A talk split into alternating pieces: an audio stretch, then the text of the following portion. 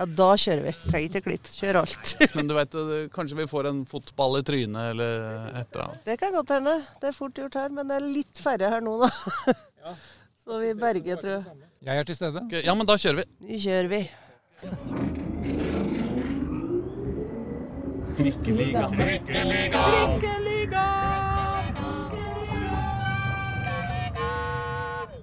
Velkommen til Trikkeligaen sesong 2, episode 11. Jeg heter Aslak Borgersrud. Jeg sitter utendørs og skuer utover et av Oslos vakreste grøntområder eh, sammen med Reidar Solli. God morgen til deg. God dag, god dag. Veldig hyggelig. Banen er stengt, står det på et rett, stort rett skilt bak her. Ja, men det, eh, det skiltet har stått der siden 80-tallet, tror jeg. ja, det tror jeg. Men sammen med oss har vi altså en av de mest eh, meritterte fotballfolka som fins i denne byen. Eh, Landslagsspiller, serievinner, cupmester, klubb- og landslagstrener, pioner, klubbbygger og hederskvinne.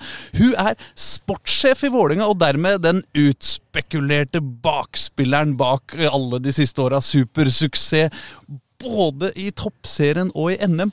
Og dessuten bursdagsbarn i forgårs, når denne podden kommer ut. Så velkommen og gratulerer med, med, med dagen, Eli Landsheim.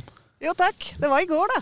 Ja, ja, men eh, vi, vi kommer ut først på onsdag, Jeg skjønner. så, så vi bare later Da som. var det i forgårs. Ikke sant? Det var i forgårs. Jo, takk for det. Hadde du en Det var en grei introdu- introduksjon, syns jeg. Ah, det er så, det er, det er så eh, fint å, å kunne si alle disse tinga høyt. Jeg bare sitter og hører, jeg, da. Du bare fortsett. ja, ja, altså, vi har så mye, så mye å, å komme oss gjennom. Men, men, eh, men du, har- du har sniket deg ut i storefri fra, fra dagjobben din og besøkt oss, er det sånn? Ja, pila, eh, pila hit da, fra hjemmeskole. Ja, ikke sant? Så jeg ble akkurat invitert på en uh, digital lunsj nå med eleveren, men uh, jeg får bli her. Hvordan spiser man digitalt? Det er jeg litt i tvil om, så jeg, skulle, jeg burde ha vært der for å lære det. Ja. Bra, bra, bra. Vi, vi, altså, her er det på Vallefeltet nå. Det er, ikke sånn, det er ikke så mye aktivitet som vanlig, eller? Nei, dessverre så er det jo ikke det. Det er jo spesielt for oss alle sammen. Så det er en barnehage der borte, ser jeg. Men ellers er det stille og rolig, og noe egentrening. Ja, det er, det er mye joggere Ja. og turgåere og sånn, jeg tror. Mye gnagere, hva er det kalt? Hvem er gnagere? De som jogger, det er gnagere. Oh, er det det? Er det det? ja? Ulykkelige mennesker er det, er det er det som ligger under. Jeg tror det. De som løper, løper uten ball, det er gnagere. Ja. Nei, men du, Vi har altså så mye vi må gjennom. Vi skal snakke om fotball og hva som skjer i Vålerenga om dagen, selvfølgelig. Men det er liksom umulig å ikke bruke denne anledninga til å snakke litt om gamle dager også. Så jeg tenkte kanskje at vi skulle begynne i Tønsberg. 28. august 1982. Ja, Skjønner du hvor jeg vil hen da, Eli? ja det tipper jeg. Det var da jeg skåra et landslagsmål, tenker jeg. Yes! Det var det det var. Husker du den dagen? Ja, eller jeg husker mer etterpå, fordi at eh, Jeg husker jo selvfølgelig det. Det var jo kult å skåre et landslagsmål. På, I hvert fall på den tida, når det knapt var la- landskamper. Eh, men det som var morsomst etterpå, det var at jeg var blant de ti beste skåringer for Norge ever. Oh, ja. eh, Kåra av Dagbladet.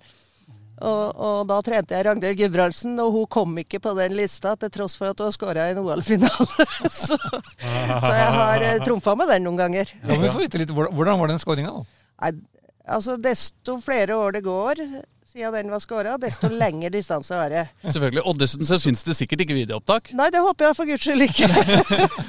Nei, så det var vel fra en Jeg tror vi kommer opp i 30 meter nå, rett i Ja, akkurat. Ja, det var rett i krysset. Ja, ja. Strak rist, eller? Ja, det var det. Ja. Det var det. Og det var ikke tilfeldig. Nei, nei. nei men, men du kom inn som innbytter, leser jeg meg til også. Det husker jeg ikke. Altså, Det er fortrengt. Men du hadde drakt nummer fem. Det hadde jeg nok. Ja. ja. Hvis jeg fikk en da, så hadde jeg det. Hvor spilte du på banen da? Uh, ja, det var litt forskjellig på både klubb og landslag. Mm. Uh, men jeg hadde nok uh, to forbilder på den tida. Det ene var Beckenbauer, Ok, som hadde fem. ja. Og så er det Roy McFarlane fra Derby. Wow. Så derfor hadde jeg fem. Eh, Men så ble jeg jo kalt på landslaget etter hvert av noen eh, kompiser for Benkenbauer, da, for jeg var stort sett på benken der. Så det var der det var. Benkenbauer var jo skikkelig sweeper. Det er, det er ikke så mange som spiller med lenger. Nei, han var libro. Libro, ja. Ja, Ja. Han, eh, det er bort både med libro og sviper. Mm. Han gikk hele veien fra bakerste mann til forreste, så Det var litt av drømmen, det. Mm. På den tida. Ja, Og det skjedde altså den eh, var det 28. august eh, 1982? Eller, eller var det corner, eller hvordan husker Nei. du, husker du liksom målet? Eh, ja, det var faktisk langskudd, da. Ja, ja, ja. Vi fikk et brudd på midten der, og så dundra jeg til. Ja. Eh, og det var faktisk ganske nære krysset, så det var ikke bare ljug. Men at det ikke var 30, la oss si 20, da. Nei, vi, vi, vi kan godt si det var Det står også mot Island, det får vi vel nevne. Og det endte vel 2-2. Det endte 2-2. eh, og ifølge internett Altså, internett er ekstremt upålitelig, eh, er min erfaring når det kommer til tidlig, eh, tidlig damefotball. Egentlig både landslag og særlig klubbfotball. Men, men det påstås at det var 1000 tilskuere.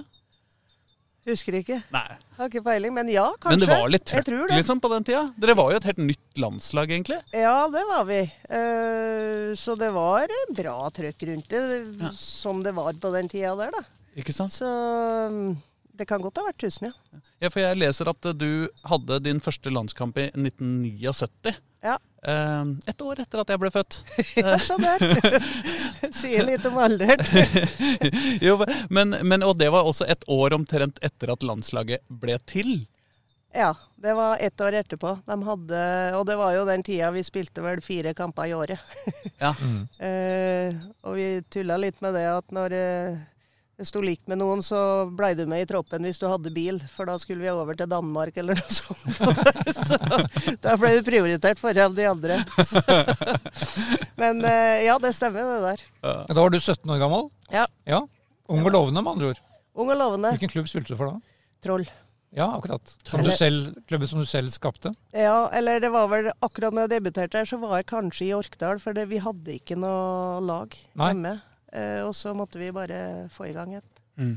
Så gjorde vi det. Ja, men det, la, altså, vi, jeg, jeg tror vi må, er nødt til å gå enda lenger tilbake i tid. Ja. Eh, fra, til, til eh, barnealderen eh, til Rindal.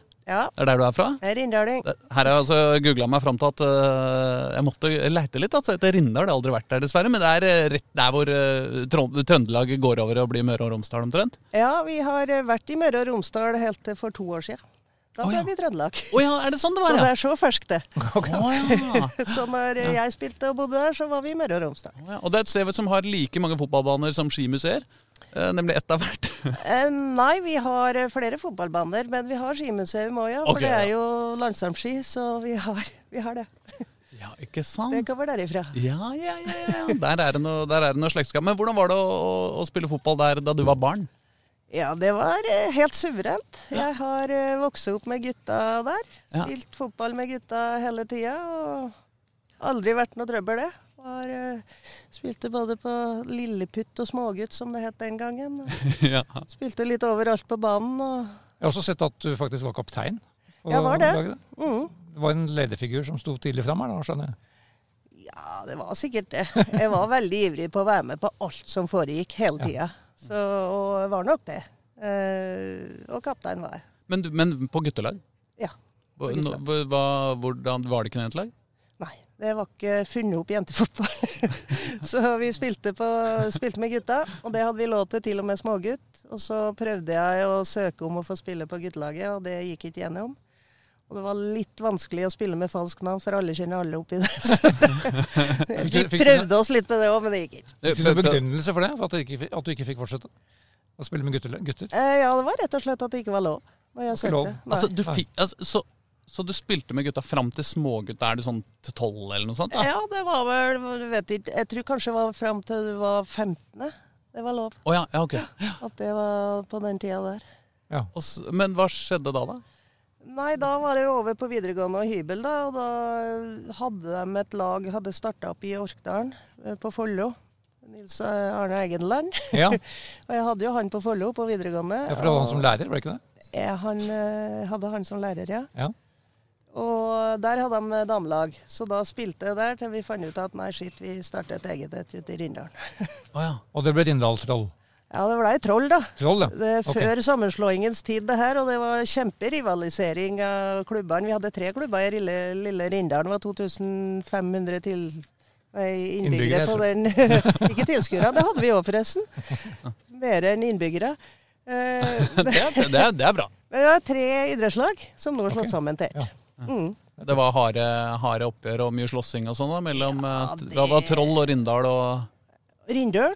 Rindøl. Ja, Rindøl var litt sånn utafor, så det var ikke så inn der. Men de to andre var beinhard rivalisering fra det var starta opp. Og det Nei, det er mange historier derifra som er morsomme. Ja, det, det, det. Så, så det er bra. Hvordan var Nils Arne som eh, lærer, da? Jeg kjenner han jo som fotballtrener, men Ja, jeg er akkurat like en som lærer òg. akkurat. Ja. Relativt dominerende. ja. Og alltid rett, og full fart. Og Men det vi lærte oss etter hvert på han, han er ganske brautende sånn eh, rett ut eh, til å begynne med, men hvis han catcha at noen ikke tok det helt, så rodde han det fint inn igjen. Okay. Så, men vi lærte jo mye av han, selvfølgelig. Men han behandla jo alle likt om, det, om du hadde spilt fotball i all din dag eller ikke gjort noen ting, liksom. Så hvis det var en gymtime, så kunne du jo kjeft huden full til noen som aldri har vært borti en ball omtrent. Så det, alt normalt, sier jeg. Så du hadde han i gym, ja? I gym. Jeg hadde han der, og så var han eh, i historie. eh, Og så var han rådgiver på den tida. ok. Sånn jo bakgrunn herfra, som venstreback på Vålerengas legendariske lag på tidlig 60-tall. Så da var, dette var jo da litt seinere. Nå er vi på slutten av 70-tallet nå, der oppe. Ja. Jeg var russ i 81. Ja, nettopp. Ja, nettopp. Men, så, du, så du var på landslaget når du spilte på Troll? Eh, ja, Ja, det var jeg. ikke sant. Mm. Men hvordan var den overgangen fra liksom, eh, barnefotball til voksenfotball? Altså, eh, var, var dere eh, var- det Troll du spilte Du spilte voksenfotball med Troll også? Ja, det Ja. var det. Vi starta damelag da. Etter et år eller to i Orskdalen så fant vi ut at nei, vi må starte opp her. Så da gjorde vi det. Hvor, var, var dere da høyt oppe i divisjonen, eller hvordan var det der? da? Ja, vi, vi var det. Vi kvalifiserte oss til den første Det var jo fire regioner eh, først, og så ble det landsomfattende da. Og da var vi kvalifisert til der vi første året. Så vi spilte i landsomfattende toppserien som det er nå, da. Ikke sant? Med Troll. Ja. Så det var en av de største nedturene når vi rykka ned der, altså. Det må jeg si. Det var nedtur. Men vi dreiv jo litt spesielt på, på Troll, da, fordi det bor jo ikke så mange til Rindalen. Mm. Så vi fikk med oss folk. Jeg gikk jo på idrettshøyskolen etter hvert og her, og fikk med mye folk til å spille der. Og så trente vi mye i helgen. Mm. og så var det hver for seg og i gruppa, da. I Trondheim noen, men òg her i Oslo. Jeg pendla jo fra Oslo til Rindalen i sju og et halvt år og spilte for Troll. Oi. Kjørte bil eh, hver helg der, så mm, Du kjørte hjem, kjørte hjem hver helg. ja, gikk på NIH, og så spilte du for Troll. Ja, Ja. gjorde det. Fast avstand. Hvorfor gjorde du Nei, jeg er veldig, veldig glad i klubben min, da. Ja. Som er Troll. Eh, så hadde vi da ei trening fredag kveld, og så hadde vi to på lørdagen og to på søndagen. Og så dundra vi nedover igjen til våre respektive hjemmer, og så møttes vi neste fredag. Så det var eh, 50 mil til hjemmekamp, da. Ja. Så eh, enda litt lenger når du skulle til Namsos og sånn, men det, det gikk fint, det. Det er nesten ikke så rart at dere rykka ned, kanskje. Nei, det kan være Sånne forhold. vi skjønner det. men det var ikke noe kult da, altså. Men så dro du videre til eh, Asker etter hvert? Ja. Du var kanskje, eller var du Ja. gjennom noen andre klubber for det? Nei. Nei. Eh, Jeg er veldig sånn derre klubbtro. Ja. Jeg vil si det, altså. Og det var smerta meg veldig å ikke være med troll lenger. Ja. Vokse opp der og var der hele tida. Så, eh, så da var det Asker. Hadde mange fine år der, òg. Men hvordan var den overgangen? da? Var det da kom det, ringte Mino Raiola og, og la millioner av dollars på Ja. bordet? Ja, Det var det, det var, det, det var sånn det var. Så, nei, Donald-abonnement. Årsabonnement på Donald, eller sånn. Nei, det var Det sto mellom eh, Bull, eh, Målfrid Kuvås, Ja. som eh, var frampå der, og Asker. Ja. Og så kom Hans Knutsen og Eva Amble og hadde et møte med meg og overbeviste meg om at det var til Asker jeg skulle. Så da blei det det. Altså, det skjønner jeg jo. Jeg, jeg, det var jo på den tiden jeg debuterte i denne bransjen. Altså, jeg, jeg husker jeg dekka cupfinalen i 1978. Ja. Bull vant den. altså Bondeungdomslaget var liksom Oslos beste fotballag. Ja. Kunne ikke gå dit. Det var jo noe som ikke stemte. De vant jo, fem, de vant jo faktisk fem NM-titler før, de, eh, ja, før de ble lagt ned i 1993. de var en av pionerene. Så da, ja, de var pionerene, og det var jo Målfrid Kyvås som var veldig sentral her. Ja. Jeg, jeg husker jeg hadde min, de, vant jo cupfinalen, så jeg hadde min pinlige tittel i daværende Arbeiderbladet. Da Ullevål ble Bullevål. Det går ikke. vet. Og da ble det Det høres ut som en høydare. Ja, det, Faen Husker ja, ja. Det er blitt um, Eh, eh, forbedringspotensial. Ja, ja, ja, men vi har vel alle vokst litt siden Ja, eh, jeg håper det. 1979 eller et eller annet. Ja. Eh, eh, um, eh, eh, Fikk du noen gang når, når var første gang du fikk lønn? Nei, det er jeg litt usikker på, ja. Jeg fikk mye kjøregodtgjørelse av å pendle Østerdalen hver helg. Ja, Fikk i hvert fall så jeg dekket bensin. ja men du gjorde det, ja. Ja, Mm. jeg dek, de dekte opp bensin til meg, det gjorde de. Og det samme var vel i Asker, at de dekte bensin eh, der. Så jeg fikk vel aldri noe lønn som spiller, men eh, når jeg ble trener, så fikk jeg jo litt, da, til å Ja. begynne med. Jeg tenkte, jeg begynte å regne, jeg tror jeg da hadde 40 øre i timene hvis jeg skulle telt timer. så nei, det var ikke noe til spillere, da. Nei, nei, nei, det er bare, jeg bare Det er jo liksom hvordan eh, eh, altså for, Forskjellen mellom mannefotball og damefotball på den tida kan jeg tenke meg at var nokså nok så intens. For jeg har altså fått inn, har fått inn noen spørsmål til deg eh, fra, fra lyttere og, og den slags. Og det er jo eh, noen som spør hvordan Altså um, hvor, ehm, Hvordan var eh, NFF eh, Hvordan oppførte seg NFF seg eh, mot kvinnefotballen på den tida her? Eh, ja, det var, det var Ellen Ville som var der inne og, og kjempa for det. Eh, og Målfrid i kulisseren. Målfrid Kuvås. Mm. Eh, men det var jo i den tida Nikken var storsjef der. Så det var han som bestemte. han bestemte alt. Ja. Så hvis du gikk og spurte Nikken og fikk ja, da var det ja. Ja. Uansett hva det var. Jeg husker jo etter en landskamp vi spilte mot Frankrike ute i Asker, og da hadde vi veldig lyst til å bytte drakter. Vi hadde jo bare ett draktsett, så var jo Men da gikk Fordi det var eh, slitent og gammelt, eller fordi Vi hadde veldig lyst til å få sånn som gutta, at vi bytter drakter, liksom. På landskap. Og jeg bytte med det andre laget, Med det liksom? andre ja, laget. sånn, ja. Ja, ja, ja, ja, ja. Vi ikke Ja. bytte ellers. Nei. Men da måtte en utsending opp og øh, føyka på hellinga der og spørre Nikken om det var greit. Og da fikk vi ja, så da fikk vi Frankrike-drakten. Så det har jeg. Så raust. Ja, ja. Men det var liksom ganske mye kamp, bare det å få, å få lov til å ha et landslag. Ja, det var det. Og det var en stor eh, kamp med det. Men nå var jo Norge langt framme Mm. uh, i det det der. Det var jo Per Pettersen som var landslagstrener i den tida der. Og, og sto på sammen med de andre Mm. uh, for å få det til. Så um, jeg har aldri brukt mye energi, verken da eller nå, på ting som er sånn. Nei. At vi ikke får, og det er feil, og likestilling. Jeg har mer sånn derre Det har med oppveksten min å gjøre, så- tenker jeg. At jeg alltid har vært en av de andre. Jeg har aldri vært sånn der 'hvorfor er du her, og hvorfor skal du ha?' og sånn. Så jeg har eh, hele tida aldri brukt noe energi på det. Den, eh, men kanskje kjørt kampen gjennom å gjøre, da. Ja. vil jeg si.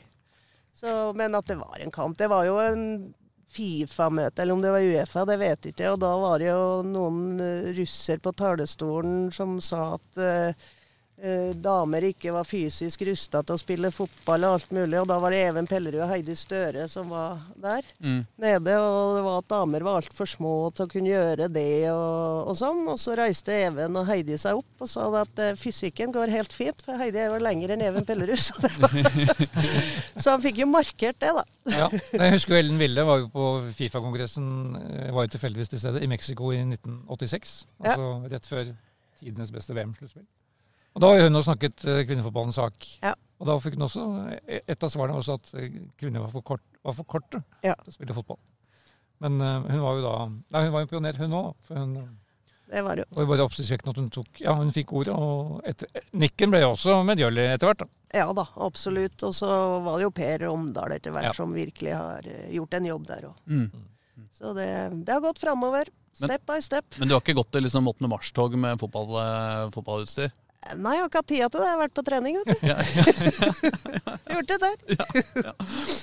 uh, også, men uh, ja, så kom du inn på, uh, på landslaget. Eh, det har vi jo vært så vidt innom allerede. Men, men liksom, hvordan, hvor- hvordan var det da du kom inn på landslaget? liksom?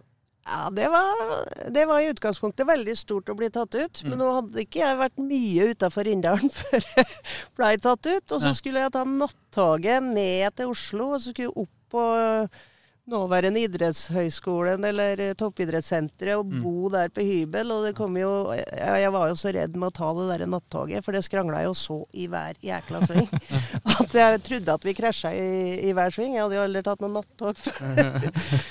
og så tok jeg taxi opp der og var der oppe klokka seks på morgenen.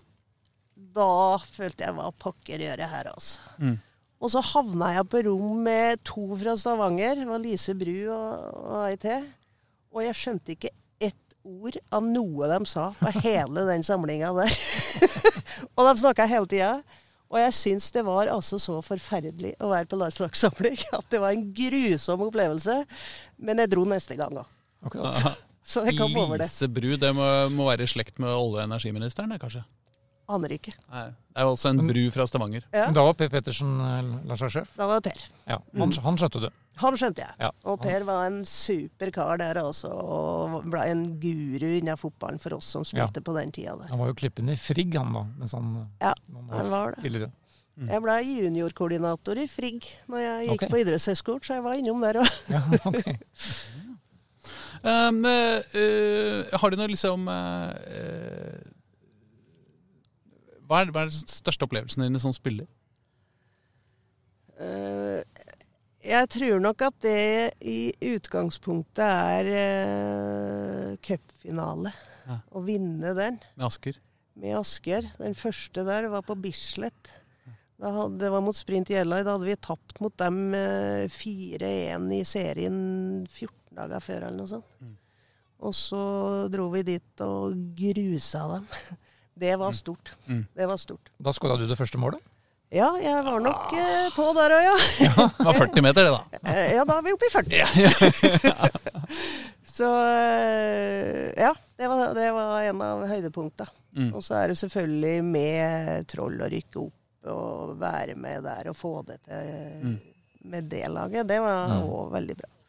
Der er liksom eh, eh, eh, imperiebyggeren, Eli, Ja, da er vi i gang. som eh, Jo, men det er noe, det er noe eh, ekstra over det òg, kanskje?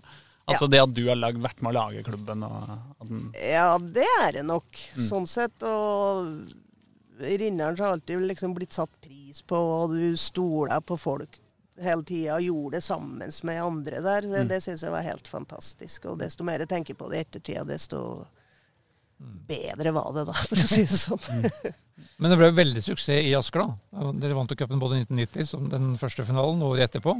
Ja. Vant vel seriegull av 1989 og 91 i hvert fall. Ja da, det var veldig, veldig bra tid eh, i Asker. Mm. Vi hadde veldig bra lag. Vi hadde vel det beste laget kanskje det året. Da var jeg bare trener. Men da gikk vi gjennom serien med å vinne alle kampene. Ja, 18 av 18 seire. 18-0-0. Ja. Den er vanskelig å slå. Ja, den tror jeg ingen greier å slå. Og Marianne Pettersen ble toppskårer med 36 mål. Ja. 18 kamper, det er snitt på to, det. Ja, det er ganske pent, da. Det skal han få jobbe hardt med, tror jeg. Erling Braut Haaland kan bare glemme det. Ja, han er ikke i nærheten. Så det, var, vi ble invitert til en mottagelse med Sepp Latter oppe i Holmenkollen Jaha. året etterpå det vi hadde det der. Og når det kom han eh, tror han het Champagne, han derre lederen hans. Sannsynligvis helt riktig. Ja, Ja, det låter derfor husker jeg det. Eh, og han, når jeg skulle hilse på han der oppe, da, så var det, sa han bare 18.00. ja, det er meg. Rett inn og på lunsj. Ja, Du eh, kan tørke, kan tørke litt på skuldrene og eh, Ja, det litt, var, det var helt greit det laget du hadde, Dere hadde da i cupfinalen i 90. Det var jo altså Gunn Nyborg og, og Linda Medalen spilte begge på det laget der. Ja. Og Tina Svensson. Ja. Og alle de var vel med på ja, Kanskje ikke Gunn, men de to siste var med på OL-gullet for ti år, ti år etterpå. Ja. I Sydney. Det var det. Så, Ja, ja, for det er vi- helt i starten av på en måte den virkelige storhetstida for norsk eh, fotball. Ja, altså det var jo Det var egentlig stor interesse rundt mesterskap hele tida, men Mm. det var jo prøve-VM i Kina der Mm. ja. eh, som starta det med store sluttspill osv. Mm. På damesida. Og da hadde jo vi de gode spillerne der, og så hadde vi Petra Bartelmann fra Tyskland, og som var kanongod Oh, ja. i Dere dreiv og signa internasjonale spillere. Ja, ja, ja. Vi var på tidlig der. Det har vært litt forskjell mellom Rindal og Asker i måten eh, klubb- klubbene drives på, vil jeg tro. Ja, stor forskjell. uh, og det har med Donasånda, da, så sier jeg til Rindal med dugnadsånden. Eh, I Rindalen så visste jeg hele tida spør den, gjør det, så der. Mens i Asker så var det mye, mye større, da. Eh, og så blei du bare drivende på Mm. i din lille krok. Men det var veldig mange flinke folk som eh, var med og drifta der ute, altså. Ja. Det var det. Jeg har fått inn et, eh, et spørsmål det er kanskje litt å foregripe begivenhetene, men, men, eh, men den den virkelige liksom eh, beste perioden til Norge internasjonalt eh, eh, hva, har skjedd som har gjort at vi ikke er der lenger? Vi vinner liksom ikke finaler i, i internasjonale turneringer lenger. Det er nok Det henger sammen med at vi var tidlig ute Ja. og tok damefotballen på alvor. Mm. Og at vi trente mye tidlig, Mm. gjorde vi. Eh, og det, der sovna vi litt i timen en periode. Eh, det var kanskje noe av eh, Jeg oppdaga når jeg kom tilbake og tok landslaget, da, Mm. at vi hadde ikke en ordentlig treningskultur lenger. Vi hadde mer fått dem som har fått det mer i fanget og ikke gikk i bresjen. Og litt mer syting enn trening. Eh, så, så det har det. Men de trente jo det laget som vi hadde tidlig på 90 og de andre Når jeg var på landslaget òg, så trente de jo fire morgener i uka før de gikk på jobb. Mm. Så gikk de på jobb, og så hadde vi trening på ettermiddagen uten å ha betalt. Så at de hadde en enorm treningskultur, og de var godt trent, og vi lå foran de andre der. Mm. Uten tvil. Og så var vi tidlig på å ta de andre veldig seriøst, så vi var godt forberedt. Ja. Eh, taktisk osv. Eh, mens nå så er de, store fotballnasjonene eh, rører jo på seg. Så det er jo eh, England, Frankrike, Spania Alle de som har eh, på herresida veldig store fotballnasjoner, er jo, tar jo damefotballen seriøst nå, og da blir vi litt for små, rett og slett. Så eh, det kan komme opp noen generasjoner og noen sånn, men jeg tror nok eh, de badematcherne er forbi. Ja, nok det. Hva kalte du det? Badematch. Badematch. Bader med Dette er et uttrykk jeg ikke er, er vant med. Nei. Nei, Man bader med motstanderen. Ja, det er som regel enkel motstand. Ja, sånn. Walk in the park. ja, ja, ja, Walk in the park, ja. ja. Ja. Men du bestemte da på et eller annet tidspunkt her ganske tidlig for å bli trener, da? For uh, det var bra overgang her fra stor spillekarriere til stor trenerkarriere. Ja, jeg kombinerte det jo lenge. Nei, jeg visste egentlig fra jeg var bitte lita at det var det, lærer og trener. Ja. Fordi at uh, det har alltid vært sånn, liksom. Har tatt det. Så jeg var jo allerede på Troll, da, spillende trener. Ja. Før jeg gikk til Asker, så var jeg Første året i Asker så hadde jeg vel ansvaret for noe talentutvikling, og så tok jeg over laget som spillende trener året etter. Å, det var såpass, ja. Så det var med en gang, og det visste jeg egentlig at det kom til å bli, da. Jeg har alltid vært der og gjort det. Under, underviste Nils Arne Eggen i 4-3-3, eller? Var det, Sto det ikke på kjøreplanen? Jeg, har, jeg spilte ikke 4-3-3, for det gjorde alle andre. Mm. Og da ville jeg ikke det. Ok. Så, og da blir det sånn. Men jeg har eh, vært hos Nils Arne mye, og vi har diskutert det. og fått inn med morsmelka, det òg, ja. Så jeg kan det. For det er, noe, det er jo noe der Ikke at jeg skal altså, Men like, det er noe likheter der. Altså, eh, både den kombinasjonen av trener og, og lærer og, og eh, både stor nasjonal og internasjonal suksess. Men har han liksom vært, en, eh, vært noe viktig for deg? Ja, det har han jo. fordi det var jo han som var det store navnet i distriktet når jeg vokste opp. Ja. Mm. Eh, Jeg har til og med sett den spilt, så gammel er jeg. så, så det er ikke noe tvil om at det var. Mm. Eh, sånn sett, Men samtidig så er en jo seg sjøl og utvikler seg sjøl som sådan. Da. Ja, ja. ja, Vi gidder ikke å late som du er liksom eh, Nils Arne Eggen, altså. Ja, men jeg har hørt det mange ganger oppover, Mm. og jeg er nok kanskje litt sånn som type. Mm. Rimelig engasjert var verre enn jeg er nå, da. Men hva ble alternativet til 4-3-3 for deg, da? Jeg spilte en uh, litt skeiv 4-4-2. Jaha. ok. Med tre sentralt på midten og én kant. Og Ja. to spisser. Jeg ville alltid ha to spisser. Vi spilte òg i Asker tidlig mye 3-5-2. Tre sentralt på midten og én kant? Ja. Er, er, det Jeg skal ta patent på det. det, er, det, er litt, det er litt rart, er det ikke det? Ja, du måtte ha en løpemaskin på venstrebekken eller venstre kanten, eller indreløperen, da, Ja. som kunne dekke begge. Mm. Så, men det funka, det, hvis du hadde folk som løp nok der. Ja. Så det var bra Ja. på den tida. Men du har ikke prøvd å eh, overtale Jakt til å- til å dra den eh, her? Jeg tror ikke jeg, har, Jeg tror han gjør som han vil. Syns Synes at Eh, også, altså, eh, etter eh, Asker-perioden, eh, holdt jeg på å si, da, da, er nå, da har jeg ikke helt oversikt over den, den trenergjerninga di. altså, du, du, bortsett fra at du endte opp i et herrelag på et tidspunkt? Ja, det gjorde Eller et par? Nei. Ja, nei, det var ett. Det var Rælingen. Jeg hadde Rælingen i tre år i tredjedivisjon. Ja. Det var vel eh, 90-tallet midt på der, ca. Mm. 92, 3 Nei, opp til 5. Mm. 3, 4, 5 kanskje, eller noe sånt. Mm. Eh, og det var fin tid. Ja, for da var du, da var du igjen den eh, pioneren og den første Den, den dama som hadde trent på øverste nivå på herresida. ja, det var det. Og det, det overraska meg veldig, for jeg var eh, jeg var ikke forberedt på at det skulle være noe sånn spesielt stort. Fordi Nei. at jeg tenkte at nå skal jeg trappe litt ned og slappe av litt. Så jeg går ned i tredjedivisjon i forhold til toppserien som var da. Mm. Eh, og nærmere, jeg bor jo på Lørenskog, så det var jo kortere vei der òg. Mm.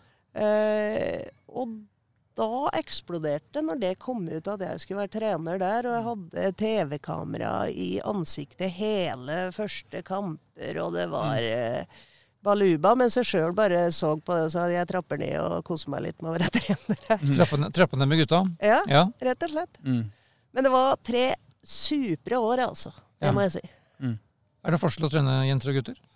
Eh, nei, egentlig ikke. Det, har, eh, det er jo fotball. Mm. Fotballen du skal ha gjennom. Og så er det l- litt sånn reaksjonsmønster hos gutta. Hvordan Eh, sosialt, mener du? ja, det kan jo òg være, men det kan jo òg være Sjølbildet er jo helt annerledes. De eh, kunne jo alt Mm. hele tida. Hvis du spør ei jente og en gutt om å ta tre plusser og tre minuser med deg sjøl Mm. som fotballspiller, så fyller jentene opp minuseren, mens gutta fyller opp pluss pluss Ja, okay. ganske så fort. men eh, det var Ja, det var flotte år der, altså. Mm. Det må jeg si. Og jeg fikk jo en idiotspørsmål etter Vi, vi trakk jo Lillestrøm i cupen med Rælingen. Ja. Eh, og det var jo Teitur Tordasson som hadde Ja. Lillestrøm da. Ja. Eh, og så Vi holdt i 20 minutter, Mm. og så rant det inn og sånn, og så skulle jeg bli intervjua, og det var TV 2 den gangen, og det var en eh, eks-generalsekretær som kom med mikrofon. Eh, Hjem, ja. ja. Oh, ja. ja. Og jeg var forberedt på at ja, vi er for dårlig trent og bla, bla, bla, og skulle svare her. Og så fikk jeg spørsmålet Syns du Teitur er pen? Nei! Det var spørsmålet. og da ble jeg så satt ut av det. Jeg var helt Jeg hadde fått det i dag, så hadde jeg jo parert den fort. Men Var det liksom åpnings, det var spørsmålet. Ja. Men jeg tror ikke det ble sendt, da. Gudskjelov. Men det, er Nei, det det kanskje sier jo litt om tida. Fantes kanskje en vaktsjef som tok vekk, tok vekk det? Ja. Jeg håper det.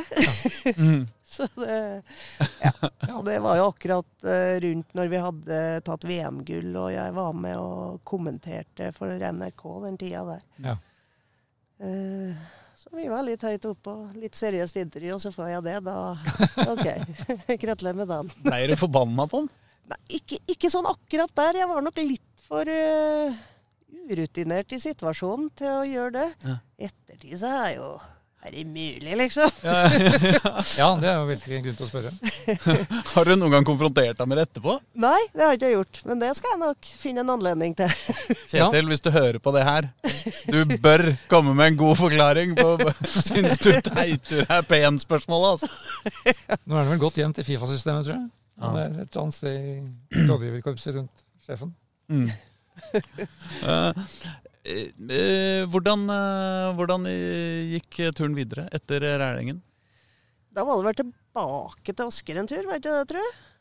Jeg husker ikke engang, Nei, men jeg tror det. Jo, jeg var tilbake til Asker. Jeg har vært Mm. mange, mange år i Asker. Ja, for du var jo trener der på slutten av, 90-tallet. Ja, Mm. jeg var tilbake til Asker Mm. eh, og Mm. tok over dem igjen. Og når jeg var ferdig der, da dro jeg til Danmark. Oh, ja. Ja. Trente Fortuna Gjøring. Ja. Damacupklubben. Ja. Så da var jeg der. Er det en annen, var, det en, veld- var det en veldig kulturforskjell å komme dit? Ja, ja, det er det. Ja. Eh, Jeg husker jeg var ned og så eh, Skulle se på forholdene og se om jeg skulle bli enig med klubben. Og så Mm. møter jeg en av de store stjernene som var der, og Bonde. Kristina Bonde hun. Mhm. Hadde vært proff i Japan og i USA og var Mm. en fantastisk god fotballspiller. Så kom hun bort til meg med øl i den ene hånda og sigaretten i den andre, og så spør jeg hva kan du lære meg, altså? så, men vi blei gode venner og fikk lært henne noe, da. Det er deilig, da. Ja, det var helt suverent. På denne tida så var vel, så var vel både øl og sigaretter gjengs eh, på, eh, på, eh, på landslaget i, blant mennene, var det ikke det? Ja, i, i Danmark var det jo det. Det sto jo Altså, de trekte ut vinnere i, eh, blant publikum som fikk en kasse øl å ta med hjem. Så det var litt annet forhold sånn sett. Men det var en veldig fin tid i, i Danmark òg. Ja, Men da er du, da, da er du liksom eh, proff. Da blir du henta inn som eh, Da blir det jobben din, liksom? Ja, det, det var jobben min, ja. Mm, mm. Det, det var det. Men Var det første gang du hadde, hadde det som fulltidsjobb? Nei, jeg hadde delvis det i Asker òg. Ja. Eh, Noen perioder hadde jeg det. Mm. Og så hadde jeg veldig redusert stilling som lærer i perioder. Så jeg hadde bolka der jeg var heltidstrener. Ja, Ja. du var jo ikke bare trener da, på den tida. Da hadde du jo Mm. alt. alt Så, har du, så du har hatt den Ja. lærerjobben på si hele tida, egentlig? Som en sånn Nesten Ja. hele tida. Men, men ellers er det sånn flytte Altså eh, rydde kontora og eh, vaske treningstøy og sånn. eh, Når, du- når, det er når du sier du har mye andre ekstra ting på å si. Ja, det blir jo nesten trener. å drifte en klubb. Du er, har jo en finger med i alt, da. Ja. Det var jo ikke store trenerapparat på den eh, tida der, da, som det er nå. Nei. Så, så det gjorde du. Du hadde helhet. Det var en livsstil, egentlig. Du var trener, sportssjef og manager, antagelig. Ja, det er Ja. riktig, Ja. faktisk. Men så begynner vi å, komme oss eh, til ei tid hvor eh, Nå går jeg liksom framover. eh, Hvor, hvor sjøl jeg begynner å huske så vidt hva som skjedde. eh, Da eh, Bjarne Berntsen ble ansatt som landslagssjef. Eh, Da er vi i 2002, tror jeg. Eller noe sånt. Ja, kan nok stemme. Litt senere, tenker jeg. Ja. Ja, ja, I hvert fall noe på 2000-tallet. Og da husker jeg at det var liksom en ting At det ærlig talt har de ennå ikke greid å finne en dame som de syns er bra nok til å trene landslaget for damer. Da var, det- hadde det bare vært menn og menn og menn og menn, og menn, og da husker jeg det var en liten sånn derre altså, Da blei det litt sånn bråk. Da begynte de kanskje å skjønne Ja. eller- Jeg var nok i, di- ikke i diskusjon reelt, men jeg var nok nevnt som navn fra Åge Steen, tenker jeg. Og Per Mathias og delvis. Mm. Og opp til Bjarne der. Og da var jeg eh, ivrigere sjøl kanskje til å ha hatt jobben Ja. enn jeg var tidligere. Ja. eh, sånn sett. Så jeg prøvde jo å få forklaring på hvilke kompetanse jeg mangla, da. Mm. Til å være i diskusjon. Hvor mange eh, seriegull skulle du ha liksom før du var eh, god nok for landslaget? Ja, og hadde i hvert fall både praksis og utdannelse og sånn, eh, kanskje enda høyere. Eller ja, for du hadde Uefa Pro og trener det og hele pakka, liksom? Ja. Ja. Jeg hadde alt det og, og resultatene som sådan òg, så det, da spurte jeg om det, hvilken kompetanse, men det fikk jeg ikke noe svar på. Det var ikke noe Men Kjente du det som liksom et uh, en sånn uh, uh, Så altså, Følte du at det gikk på person, eller gikk det på kjønn, eller gikk det på liksom, Følte du noe om det? Jeg, jeg følte det litt urettferdig, kan du si. Ja. Men jeg tenkte Kanskje første gangen jeg tenkte at jeg fikk den vel ikke fordi at jeg er jente. Mm. Eh, det kan hende. Mm. Eh, men jeg bruker jo ikke så mye tid på det etterpå. Nei. Da jobber jeg videre. Ja, for du har, Det virker som du aldri har vært veldig opptatt av det. Altså, Nei, jeg har ikke det. Gutt-jente-forskjellen. Jeg har ikke det, Nei, altså. Det blir litt sånn der du, du bruker en dag eller to til å håpe at det går til helvete med den. Men så er du ferdig med det. Veldig opptatt der jeg er, egentlig. da. Men på denne tida så var jo alt annet enn eh, Alt annet enn uh, mesterskapsgull var jo at det gikk til helvete, så det jo vanskelig, kunne jo vanskelig unngå at eh, Det var bra at det ikke var noe kamper de to dagene jeg håpa at det gikk til helvete. så kom seg i gang igjen. Ja. Men så, for, for, men så forsvant jo da Bjarne Berntsen etter, det var vel etter OL i Beijing Ja. 2008, Mm. husker jeg. For da der var jeg og, snakka med ham, og da ble det jo Ja. Det blei huskestue med han og Lise Klavenes, og Ja, det satt var friskt en periode, det. og hvordan kom du inn da? Altså, Hva skjedde da? For da overtok du jo du etter han, i 2009. Ja, Ja. det gjorde jeg. Eh, jeg måtte tenke meg om der òg. Eh, ja, hva jeg gjorde. Ikke gjorde. Nei, det var en veldig lang periode med eh, Fra du var kalt inn til et intervju som en kandidat, til Mm. at det blei noe avgjørelse i hele tatt. For det var litt bytte med generalsekretærer og presidenter og litt sånn, lurer jeg på. Ja, det kan hende. Og hvem som hadde egentlig ansvaret for å få til det her. Men Var da Karen Esplund fortsatt generalsekretær?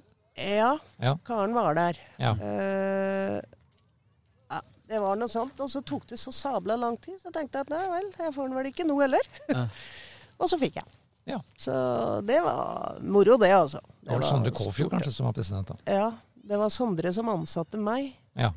Eh, var det, Men det var noe et opphold der, for jeg var inne med Erik Lo og noe intervju, husker jeg, sammen Aha. med Nils Johan. Okay. Så ja, det Ja. var noe der. Det tok i hvert fall veldig lang tid før Mm. han bestemte seg. Mm. Uh, og da var jeg sånn der Ja, det ryker vel denne gangen òg. Men det gjorde ikke. Nei, det gjorde ikke det. Så det var Da ble du pioner igjen, vet du. Motvillig. Nei, det er helt greit å være det. Men uh, jeg tenker ikke at det er det, liksom. Neida, neida, neida. Men eh, ja, var nok det. Hvordan var det å bli landslagssjef? Det var morsomt. Mm. Eh, det var stort. Mm. Eh, og så lenge du vinner fotballkamper, så er det bare gøy. Mm. Og så får du den trøkk i trynet, og da er det ikke fullt så gøy. Veldig rar mekanisme det der. Jeg tror det, er, det er noen trenere som har opplevd den. Ja. Ja.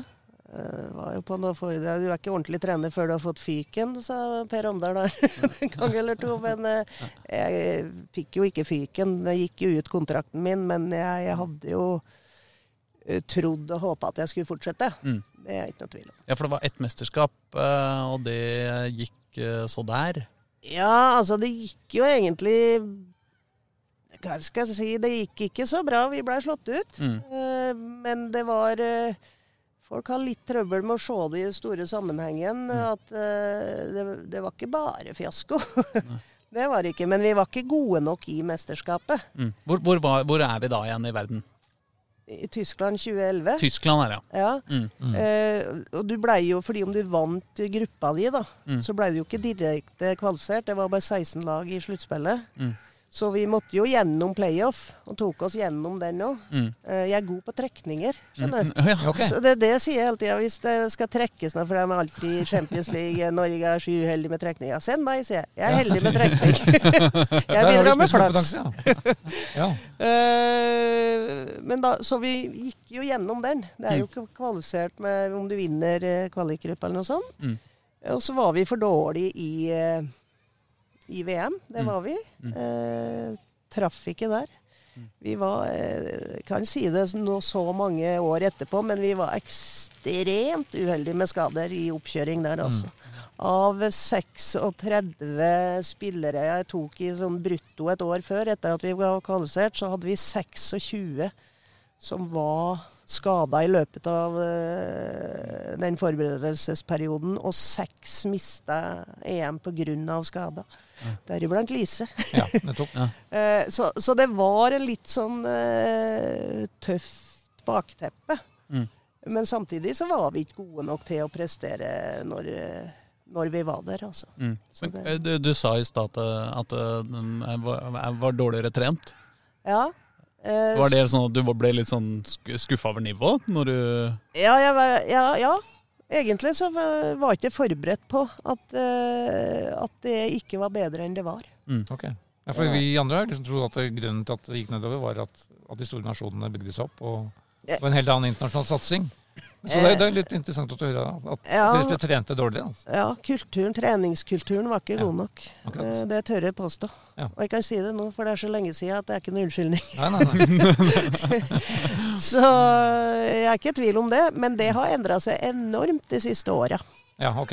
Nå er det ekstrem utvikling på det igjen. Eh, og et nivå mye, mye høyere bare de siste åra, altså. Ja. Så, For det var jo ikke, det var ikke landslagstreneren som skulle trene spillerne, det skulle jo skje i klubbene, selvfølgelig. Ja.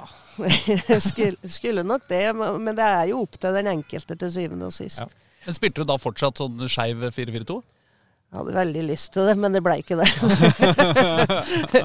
4-2-3-1. Ja, det ble det. Nei, Alt ettersom hvilke folk vi hadde disponible, da. Men eh, da ble det mer kjente posisjoner og Ja. opplegg. Ja. Ja, det er vanskelig kanskje Som landslagssjef er det kanskje vanskelig å komme med noe veldig annerledes òg?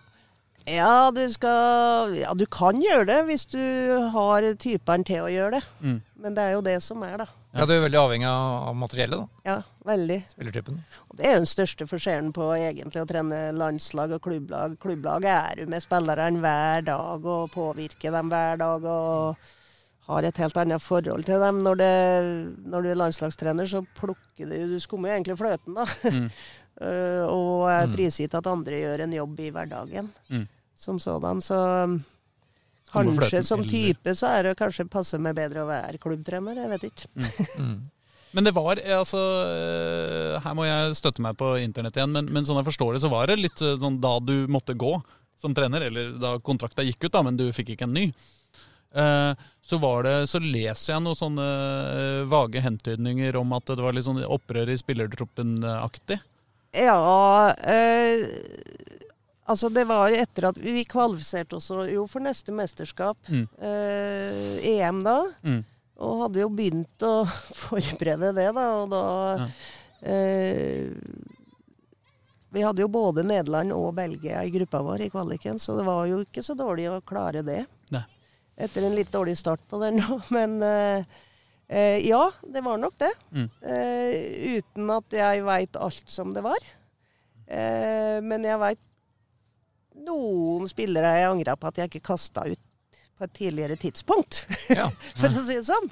Det, det er det. Hvorfor det? Eh, nei, for da hadde vi kanskje kunne hatt et generasjonsskifte og tenkt lenger framover enn eh, å dra med oss litt sånn, da. Mm. Eh, men det, det er jo sånn fotballverden er, og da må man jo bare tutle ut. Og jeg skjønte jo at noe var på gang når jeg blei konfrontert med om det sto opsjon eller intensjon i kontrakta. Ja. Da skjønner jeg at jeg er ferdig. Så da var det bare takk for meg. Eh, men jeg eh, unngikk å lese alt sammen etterpå og prøve å finne Fordi om jeg følte på et enormt behov for å stå ut og fortelle med innovasjon, så skjønte jeg at det blir en bumerang som kommer i retur. Så her holder vi kjeft og venter til det går over. Ja. Men det var en ekstrem overgang. Det var ikke mye morsomt, altså. Det kan jeg innrømme. Og fra at du er vant med at telefonen ikke står stille et sekund etter de første dagene der, så blir det helt dødt. Mm. Du begynner å lure på om denne telefonen ikke virker, altså. Du begynner å riste på den. og så går du etter hvert på Nav. Da skjønner du at uh, ja, vi får holde ut her òg. Men det var ikke moro. Det var det ikke. Men var, det sånn, var det sånn at du følte deg liksom eh, dolka ryggen og, og sånn, eller var det Ja, det var litt sånn der Kan noen ta ut den kniven jeg har stående bak her? Såpass, ja. Eh, det var det. Mm. Jeg følte virkelig det. Men det var jo da du finner ut hvem som er de virkelige vennene dine òg. Ja. Eh, det er ikke noe tvil om. Sitter dette i fortsatt med, med enkeltpersoner og sånn? Nei, Nei. det gjør ikke det. Jeg bruker jo ikke masse tid på, på de. Altså, ferdig med det. Men uh, det var litt merkelig tid etterpå, det var det. Og jeg var sånn der at nå skal jeg ikke Nå har jeg ikke noe behov for å være med Mm. lenger. Nå må jeg bli lærer igjen. Ja. og ta det på heltid. Så øh, ja, så da var jeg ut, ute av det litt, helt til Vålerenga dukka opp, da. ja. Landslagssjefer er, er vrient, det. Altså, måten Drillo måtte gå på, var jo også ja, Det er jo en uh, føljetong som varer, varer ennå, på et vis. Mm. Ja, og jeg tenker jo i forhold til meg òg, da, så tenker jeg at øh, det er jo en ærlig sak at du ikke ønska lenger, men jeg syns prosessen var fryktelig dårlig. Altså. Mm. Ja. Virkelig dårlig. Mm. men ja. Jeg står med rak rygg og beina på jorda og veit hva jeg har gjort, og står for det. Så da var det rett og slett en fotballpause. Da ble det en fotballpause. ja. Og da vet du, da er, da er vi leda automatisk inn til på en måte grunnen til at vi sitter her, da, tross alt. Det, alt dette Da fram kom vi til nå dit! Tok bare litt tid. Fram til nå har bare vært innledning på, på det vi er interessert i det du snakke om. Du kom til Vålerenga høsten 2018. Eh, Ja, det var vel egentlig ansatt fra 2019, ja, 2018 Jeg har vært her i tre år nå. Hva blir det? Ja, ikke sant? Ja, det, det, blir, Jeg greier jo ikke sånn. ja, sånn. det blir våren 2018, da. Forsommeren 2018. Nå jeg starta 1. januar. Ja. Altså Hvis du da har vært der i tre år, så må det være 1. januar 2018. da. Da var det det. Ja, ja. Mm. ja men det er virker rimelig. Ja. Eh, hvor, eh, hvordan kom det i stand? Nei, jeg blei oppringt av eh, Kvern, var det vel? Runar Kvern, ja. Ja. Ja. Han var vel leder av fotballstyret for da. Ja. Som lurte på om jeg kunne tenkt meg en sånn Jeg har jo diskutert med han tidligere på noe tidligere tidspunkt for lenge siden, og jeg har jo hele tida sagt at dere bør ha det. Og hvis dere vil ha det, så kan jeg snakke med dere. Vil ha det altså som en, En sportssjef? sportssjef. Ja. Sportssjef, ja. For jeg var ganske klar på at jeg orker ikke å være trener med døgnet rundt eh, og Mm. krangling med spillere. Jeg var litt i grei å være med som assistent et par dager i uka, bare for å ha litt å holde på med de åra mellom her. Eh, Men jeg syns det er så spennende klubb Mm. og spennende ting på gang Mm. at uh, det var det som lokka meg tilbake. Mm. Uh, og det angrer jeg ikke på. For det er- Enkelte internt i, i klubben har sagt at det er den uh, beste signeringa Vålerenga har gjort. Det er jo veldig hyggelig å høre, da. Det må jeg si. Ja, det tror jeg var ment som et kompliment. Ja. Men, men eh, Jeg Eller har vært, sånn, eller vært veldig mye dårlig. det det. Det har jo alltid vært en fotballklubb, så, men, men så det, Da ville man vel neppe vinne seriegull. Hvis det bare var dårlige signeringer. Nei, men, men eh, så var du ikke lenge her før du da bytta, bytta trener, holdt jeg på å si. Ja, altså, jeg før- jo rett opp i det. Ja. Ja. Eh, Jeg gjorde det. Det var en veldig misnøye og masse sånn der. eh, Og jeg hadde, jeg hadde jo veldig dårlig grunnlag sjøl, da. For jeg hadde ikke fått observert noe. Så det blei jo mer en samtale og hva er den beste løsninga her? Mm. Det var det. Jeg likte ikke det. Mm. Men eh, jeg så at det var det som var løsninga. Ja, for det er ganske ballsy uh, og liksom uh, for, for, uh, I mangel på bedre uttrykk, som jeg kom på akkurat nå. Å komme inn helt som ny, ny sportssjef i en klubb, og så, og så liksom Her må vi ha en ny trener! Ja, og det, og det var ikke moro. Så det var jo bare at vi man måtte ta tak, ha noen samtaler om det og prøve å finne løsningen på det, da. Mm. Eh, og jeg prøvde å observere det jeg kunne, men jeg hadde ikke, jeg hadde ikke noe godt grunnlag sjøl, så jeg var helt avhengig av hva andre sa, da, og prøve å sortere i det. Mm. Så det endte opp med det. Mm. Uh, og det, det er ikke moro. Og da fant du, ringte du Monica Knutsen, eller? Da ringte jeg Monica. Mm. Var det du, du som gjorde det? Ja. Gjorde jeg. Da var hun trener i, eh, i, eh, Ja, hun hadde akkurat gitt seg der. Oh, ja. I, eh, det var LSK, på det Ja, tidspunktet? hun var i. Fotballforbundet. Mm. Jobba der, og NTG. Så da fikk jeg med Monica. Jeg har jo kjent Monica i mange, Jeg har vært treneren hennes i mange mange år og Mm. kjenner henne godt. Mm. Så da fikk vi lurt henne til klubben. Ja. Var det en hard overtalelse som måtte til? Ja, vi gikk jo noen runder for Ja. å få det til. og få det, Men hun syns òg at det er en veldig spennende klubb da, Ja. å komme til. Og her er det muligheter. Som vi så sammen. Og så må det ha vært penger her, eh, eller var det da, da allerede? Altså for, for, sånn, for vår, I sånn Vålerenga-historien så, så må det På et eller annet tidspunkt for ikke så mange år siden så, så dukka det opp noe uh, isolasjonsmateriale i veggene, og så, og så begynte, det å, begynte det å renne inn noe penger. Ja, det kan jeg si. Hadde ikke eh, Ole vært med oss, Mm. eh, så hadde vi ikke hatt sjans til den satsinga vi gjør. Det er en stor takk til han, som Mm. gjør det mulig å helt tatt satse eh, som vi gjør det. Da snakker vi om Ole Anfinsen, Ja. som er eh, Ole Rikard Anfinsen, ja. Ja, ikke Ja. sant? Som, som, de, som, de, som har vært gründer på Eller i hvert fall eh, han er rik og driver med isolasjon. Bare så alle lytterne skal henge med oss. Det er Glava. Ja, det er Glava. Da, egentlig. Hva sa du? Han er kvinnelagets Tor Olav Trøim, på Ja, et vis. det er han. Mm. Ja. Mm. Bare litt mindre, litt mindre synlig utad, i hvert fall. Ja, han er en uh, fantastisk kar som Mm. gjør det mulig for oss, altså. Og eh, lar oss drive på uh, uten å legge seg bort artig ting, bare oppdatert. Mm. Så, uh, så hadde det ikke vært for han, så hadde vi ikke oppnådd det vi har oppnådd. Nei. Hvilke andre eh, forutsetninger er det som har gjort dette mulig? Eh, Ja, det var litt sånn der når vi starta opp, da, Monica og jeg, så var det vel, jeg tror jeg var én eller to spillere som hadde kontrakt. Mm. Resten hadde ikke, så da starta vi jo med å prøve er det noen spillere ledig som kan komme hit. Mm.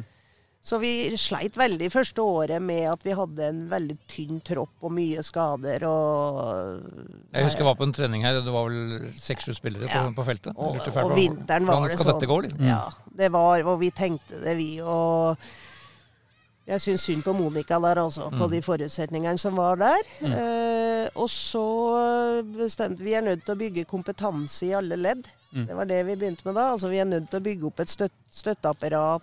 Fasiliteter Altså det har vi jo fantastiske. Mm. Men bygge kompetanse sånn at vi står uavhengig av spillere, liksom. Mm. Eh, og klubb driver det videre. Så, så det er det vi har gjort veldig mye.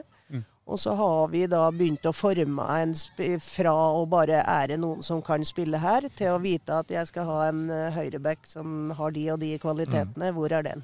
Mm. Så, så det har vært en enorm eh, reise, det, altså.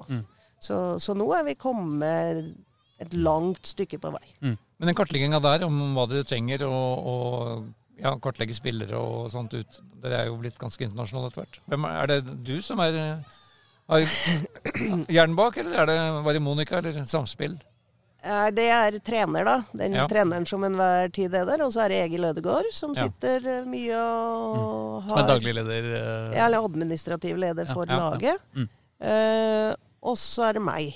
Ja. Eh, det som er eh, Så får vi håpe at vi greier å bygge ut litt sånn scout-virksomhet etter hvert. Mm. For det er rett og slett tid det stopper seg for, for meg, i hvert fall. da. Mm. Å sitte masse på video, det går ikke. Og nå går det jo ikke an å reise heller, så det er jo bare video. Men Har dere de samme verktøyene som, eh, som mennene? Har dere sånn Y-scout og er det på ja, vi har det. Så du kan liksom Instat eh, og alt det der. Så ja. vi, vi går inn og sjekker alle. Og så er vi veldig heldige med nettverket vårt, da. Ja. Når du har vært landslagssjef, så kjenner du noen andre landslagssjefer. Ja. øh, Og når du har trent i 100 år, så kjenner du noen spillere som driver på her og der. Mm. Så vi eh, er jo kommet dit at vi henter ingen som ikke er sjekka ut, nei. Nei. Ordentlig. Men Betyr det at du da sitter Jeg, veit bare ikke hva det er å være sportssjef. Men er, betyr det at du sitter hjemme hos deg Ok, eh, på et eller annet tidspunkt så ryker Ballisager Pedersen, så det kan være at vi trenger en, eh, en, eh, en spiller på eh, den plassen. Og så da søker du gjennom hvem er det som har hatt eh, best statistikk i Belgias eh, Nei, det gjør ikke. di- divisjon. Og Jeg har ikke tid ser til på det. videoer og Nei. Nei, vi, vi bygger opp spillerstallen, og så veit vi hvordan vi ønsker å spille. Mm. Og så veit vi hvilke typer som kan passe inn i forhold til hvordan vi ønsker å spille. Mm. Eh, og så finner vi de profilene, da. Mm. Og så veit vi hva vi har. Mm.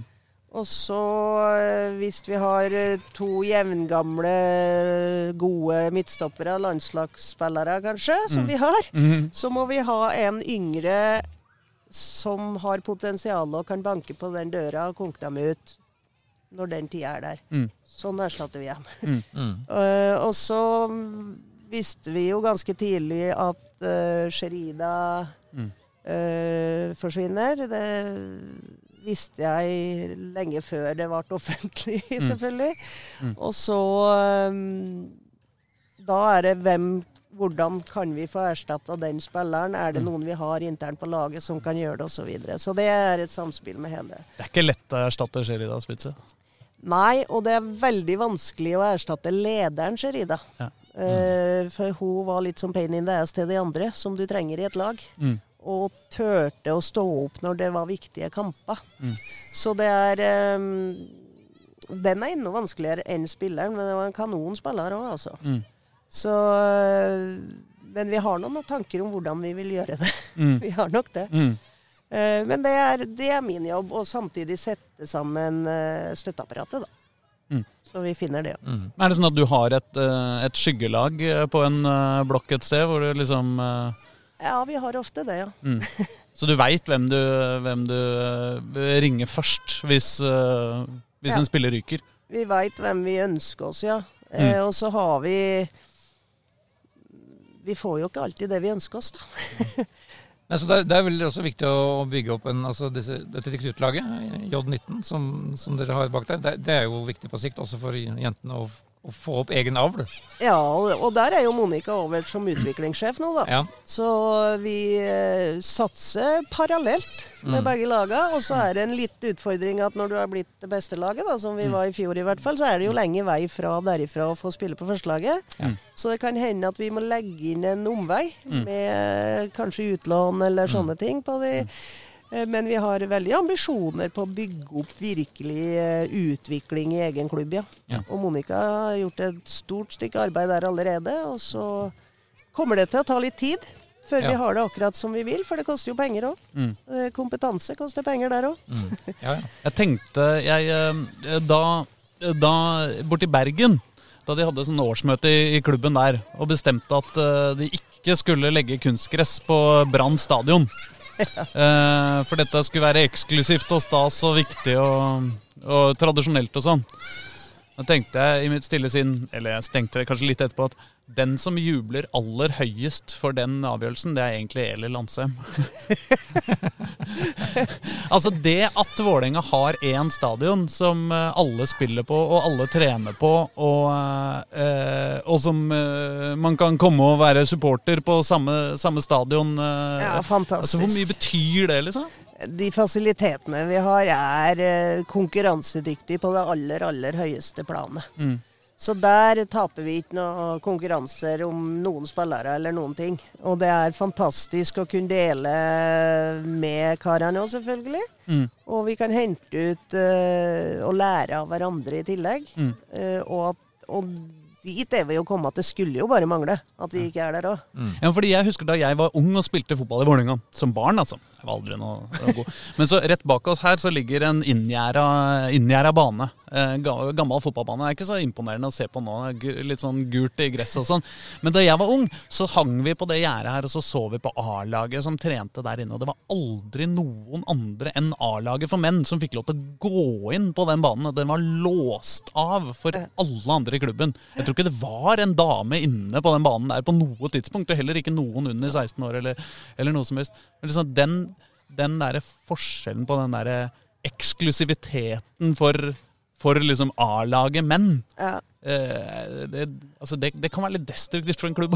Ja, det kan det. Fordi at det, det er to satsingslag, og det er både damelag og herrer. Og så syns jeg det skal være litt sånn der stort å få komme seg inn der og spille. Men det skal ikke ha noe å si om du er jente eller gutt. Så muligheten må være der for begge. Men nå er det jo, altså jeg mener, nå borte på Intility så er det vel, eh, trener vel unger eh, hver eneste dag. Eller sånn, vi, vi, skolen trener, har vel Ja, gym skolen der. Og, eh, leier der, og rekrutt herrer er der. Ellers er ikke alle aldersbestemte. er ikke. nei, nei, nei, men, altså jeg har vært på turnering der for barn. Ja, og vi har sånne ting, ja. Ikke sant? Ja, ja, ja. Mm. Det har vi. så leier K5 seg inn der nå. De trener vel Ja, nå. Altså, de er I over. av egen hjemmebane. Ja, Skeid var vel der en periode. Og, Ja. Hvor, hvilke, hvilke spillere er det som har vært viktigst i Vålerenga for, for deg? For meg så er jo alle spillere viktige. Mm. Fordi at det er det laget som har den beste troppen som vinner til slutt. Mm. Og ikke de beste elveren. Mm. For du kommer til å få både skader og det ene utestengelser og hva det skal være. Så, så for meg så er det ikke noen som er viktigere enn andre. Mm. Men som ferdighetsmessig å stå i stormen, så har jo Sherida betydd veldig mye for suksessen vår. Mm. Det er ikke noe tvil om. Mm. Det har hun gjort. Men er stallen nå komplett? Altså, dere er ikke på jakt etter flere? Dere er, dere er i mål, eller? Eh, I utgangspunktet så var vi det, men vi eh, vi sliter litt med noen type langtidsskader som gjør at vi er på utkikk ja, Okay. på å hente. Men det er et fryktelig vanskelig marked i denne koronatida. Ja, Hvor er det du har langtidsskader nå? Eh, nei, Sigrid sliter litt med de der eh, Jeg klarer ikke å si ordet. Radiomolyse.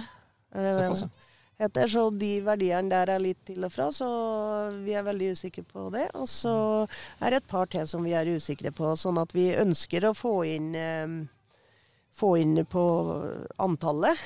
Mm. Og så ønsker vi å hente én til to topp, topp, topp, da. Hvis det blir tilgjengelig en sånn spiller. Mm. Ok. Så det er vi på jakt etter. Hvilken posisjon da? Eh, når det gjelder på erstatning, så er det jo midtbane eller kant. Mm. Kantspiss. Ja, for vi, er jo, vi er jo spent på å se disse, alle disse nye disse spillerne som allerede er kommet, men som vi ikke har fått se. Nei. Altså Elise Thorsnes og Amanda Andradottir. Ja.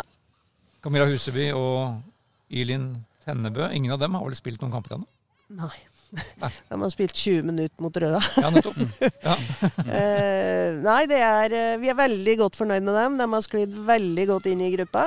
Vi har unge som blir gode. Og Ja. så henta vi Elise, som eh, har rutinen og ferdighetene som vi var ute etter når vi eh, eh, Ayara dro. Mm. Så um, jeg tror at dere skal få se noen gode spillere der, ja. Helt sikkert. Men vi må få se dem. ja, nemlig. Jeg har knapt sett dem sjøl. Eh, Vålerenga var jo et lag i 2020 som eh, Altså som eh, selvfølgelig var eh, best, da. Og det er jo ganske gøy. Eh, var, var ganske moro. Eh, og så var det et lag som eh, eh, kanskje var aller best defensivt, eller? Ja, vi blei det etter hvert, for vi, måtte vi tapte jo serieåpninga mot Sandviken. 3-2. Mm. Tulletap, egentlig. Mm. Eh, og så fant vi jo ut eh, etter hvert at vi er nødt til å tette igjen. Mm. For da skaper vi nok til å kunne vinne. Mm.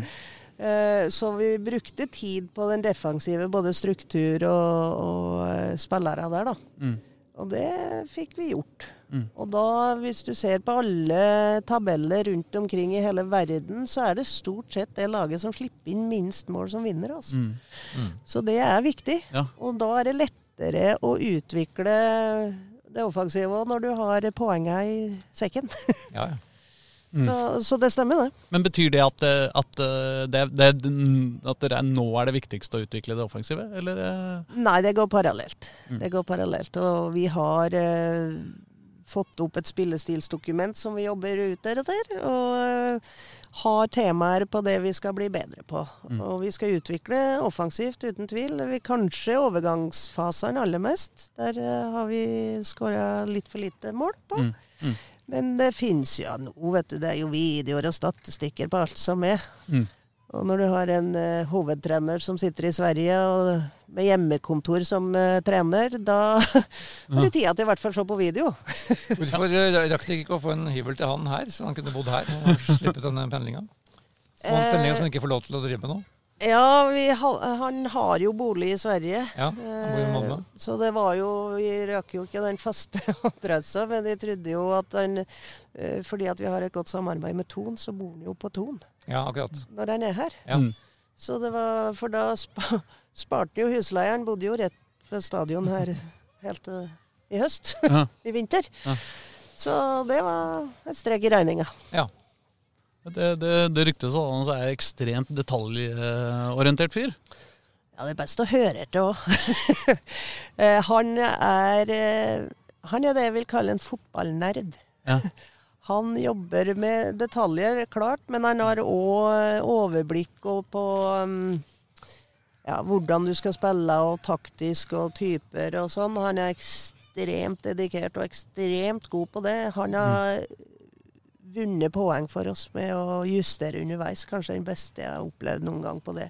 Mm. Eh, så det Ja. Og han legger lista høyt.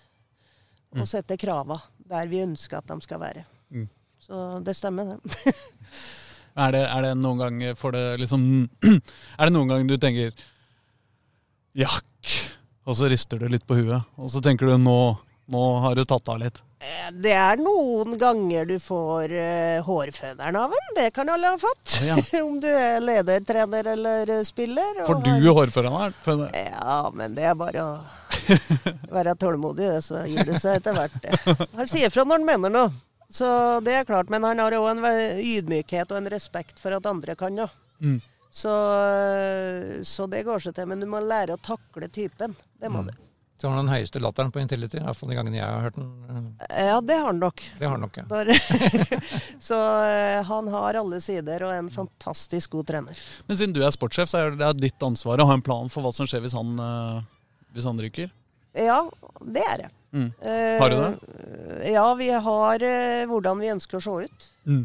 Eh, og vi har òg hvilke profiler vi vil ha på, i trenerapparatet. Mm. Så det er min jobb, ja. Så, så nå er det egentlig Raymond Mikkelsen og Tommy Berntsen som er på feltet daglig, eller? Med, Ja. med jentene? ja og ja. Luciano, han fysiske treneren. Ja, ok. Mm. Mhm. Ja. Det er det. Han eh, pendler jo to dager i uka, så nå, da. ja. Kjører tur etter. Denne Brønnby-historien. Au. ja. Den må vi, den må vi innom.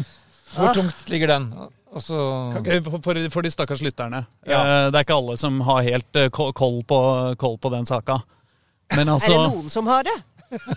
det var altså så mye, det. at... altså Vålerenga skulle spille mot Brøndby i kvalifisering til Champions League. En hjemmekamp og en bortekamp. Så skulle vi spille hjemme, og da var Brøndby Var de her oppe? Kom de helt hit? Eller, altså, Altså, det var, det var jo etter den der landslagssamlinga med smitte, koronasmitte, og vi fikk jo hjem eh, spillere fra dansk landslagssamling med smitte. Ja. Mhm. Men eh, vi har jo ganske strenge regler, og fulgte dem og satte dem i karantener og sånn, så vi Mm. fikk jo ikke det noe ut, vi. Og, men da hadde vi jo ikke kunnet brukt i hvert fall hun og ene som fikk korona der. Mm. Men så kom jo Brøndby hadde jo òg vært på samlinga og hadde mye smitte i laget. Mm. Og i stedet for å sette igjen dem hjemme som var smitta, Mm. eller hadde vært nærkontakter og skulle ha vært det, Mm. Eh, kom hit. Mm. De, altså, de reiste fra Danmark til Norge med korona, eller som på en måte eller, skulle vært i karantene, i hvert fall. med Nå, nå tør ikke jeg si Ja. om det var én som var smitta på de som kom hit, men de Nei. hadde i hvert fall vært på trening med de som var smitta, skulle vært i karantene. Mm. Men så er det andre regler i Mm. Norge enn det i Danmark, Mm. og det er annerledes enn Uefa-protokollen. Mhm. For den er mye lettere. Ja. Så når de kom hit, Mm. så er det smittevernsoverlegen i bydelen her som sier det, det får ikke lov til å ha kamp mot dem. Nei. Og vi visste jo at de kom med det, og skjønte jo ikke noen ting. Eh, for vi prøvde jo å si det at dere kan jo ikke det, dere må jo komme med det som er riktig å komme med. Mm. Eh, men de kom, og blei sendt hjem igjen. Mm. Og da trente de jo ei økt her, som de heller da ikke skulle ha gjort. Men i og med at vi var klar over det, så desinfiserte vi alt som var der. Så dere holdt dere unna og liksom Ja, mm. veldig. Mm. Og så var det, så dydra vi jo hjem igjen, og så var det jo en veldig diskusjon hva skjer med den kampen der. Mm. Taper vi 3-0 fordi at vi ikke kunne arrangere? Vinner vi 3-0 fordi at de kom med smitte? Mm. Men så ble det utsatt den kampen. Og så skulle vi ha en kamp eh, uka etter, etter Mm. at vi var ferdig med alt, I Danmark. i Danmark. Mm. Bortekampen. Mm. Ja. Og da har de jo fremdeles smitte, de, da. Mm. I troppen sin. Og det var når vi var ferdige, og det var vanskelig alt sammen. Mm. Og til syvende og sist da, så blei det vedtatt fordi at begge klubbene blei enige om det, om å utsette kampen til februar. Da, da trodde vi at alt var helt i orden. så da skulle vi spille hjemme og borte i februar. Og dette skal jo også sies at dette var jo i cupfinaleuka. Ja. Dette skjedde, så det var jo i utgangspunktet litt sånn øh, å, Nå var det mye kamper på en gang, og skulle spille både Champions League og cupfinale samtidig. Det må ha vært litt deilig å få det utsatt også. Ja, og så var det noen spillere som var redd for å dra ned dit og Ja. dra på seg dette, og hadde ikke Ja. noe veldig lyst til det. Samtidig så var vel lufta gått ut eh, litt av ballongen òg. Har blitt litt sjampis den kvelden, kanskje? Ja, det var jo den dårligste året å vinne på, da, når det gjelder å feire. Ja, men jeg mener å huske å ha sett noen videoer fra noen som var utafor noen karantenehoteller og svinga Ja, det var seg. Og... serie... Ja, det var serie- seriemesterskapet. det som var. Ja. Som var uka før. Ja. Det var det. Da var vi en runde, ja. Eh, nei, En velfortjent runde, må det være lov å si. Ja, det var det. Og så var det jo litt sånn der, da vant vi alt og kom oss til juleferie, og de fleste fikk hjem på juleferie. Mm. Og så måtte, i og med at det ble flytta de der eh, kampene, så måtte vi flytte fram oppstartsdatoen vår. For Ja. vi måtte jo ha alle i karantene når vi begynte. Så da Ja, ikke sant? Fordi Fordi da kommer det eh, spillere tilbake fra rundt omkring i verden. Ja, Som, ja. og Norge. Ja. Hele Norge. Så da måtte måtte vi starte opp igjen, så han fikk mindre ferie enn han hadde tenkt. Mm. Så starta vi opp igjen, og da starta vi med ti dagers karantene. Og så trente vi ei uke, Mm. og så blei det nedstengt. Så da fikk vi ikke trene på ei uke igjen. Mm.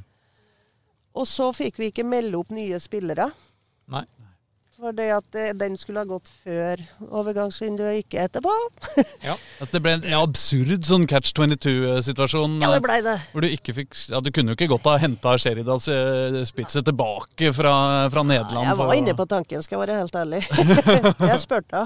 Gjorde du det, eller? Ja. Og, kan du spille én kamp for oss, liksom? ja, jeg vil låne deg en kamp, men det gikk ikke. For det, hun, Det hadde vært gøy. skulle da spille for Ajax? skulle Ja, spille for Ajax. ja. Mm. Da er det vrient. Det Det var det i, ja, i samme eh, runden, egentlig. Ja, i samme turneringa. Ja. ja, da er det vanskelig. Og så endte det jo opp med at vi ikke fikk lov til pga. smittesituasjonen i Norge å arrangere kamp her. Mm. Og så måtte vi prøve å finne en kamp Hvor kan vi spille kamp? og så hadde vi jo strengt tatt ikke nok folk til å ha to kamper heller, da.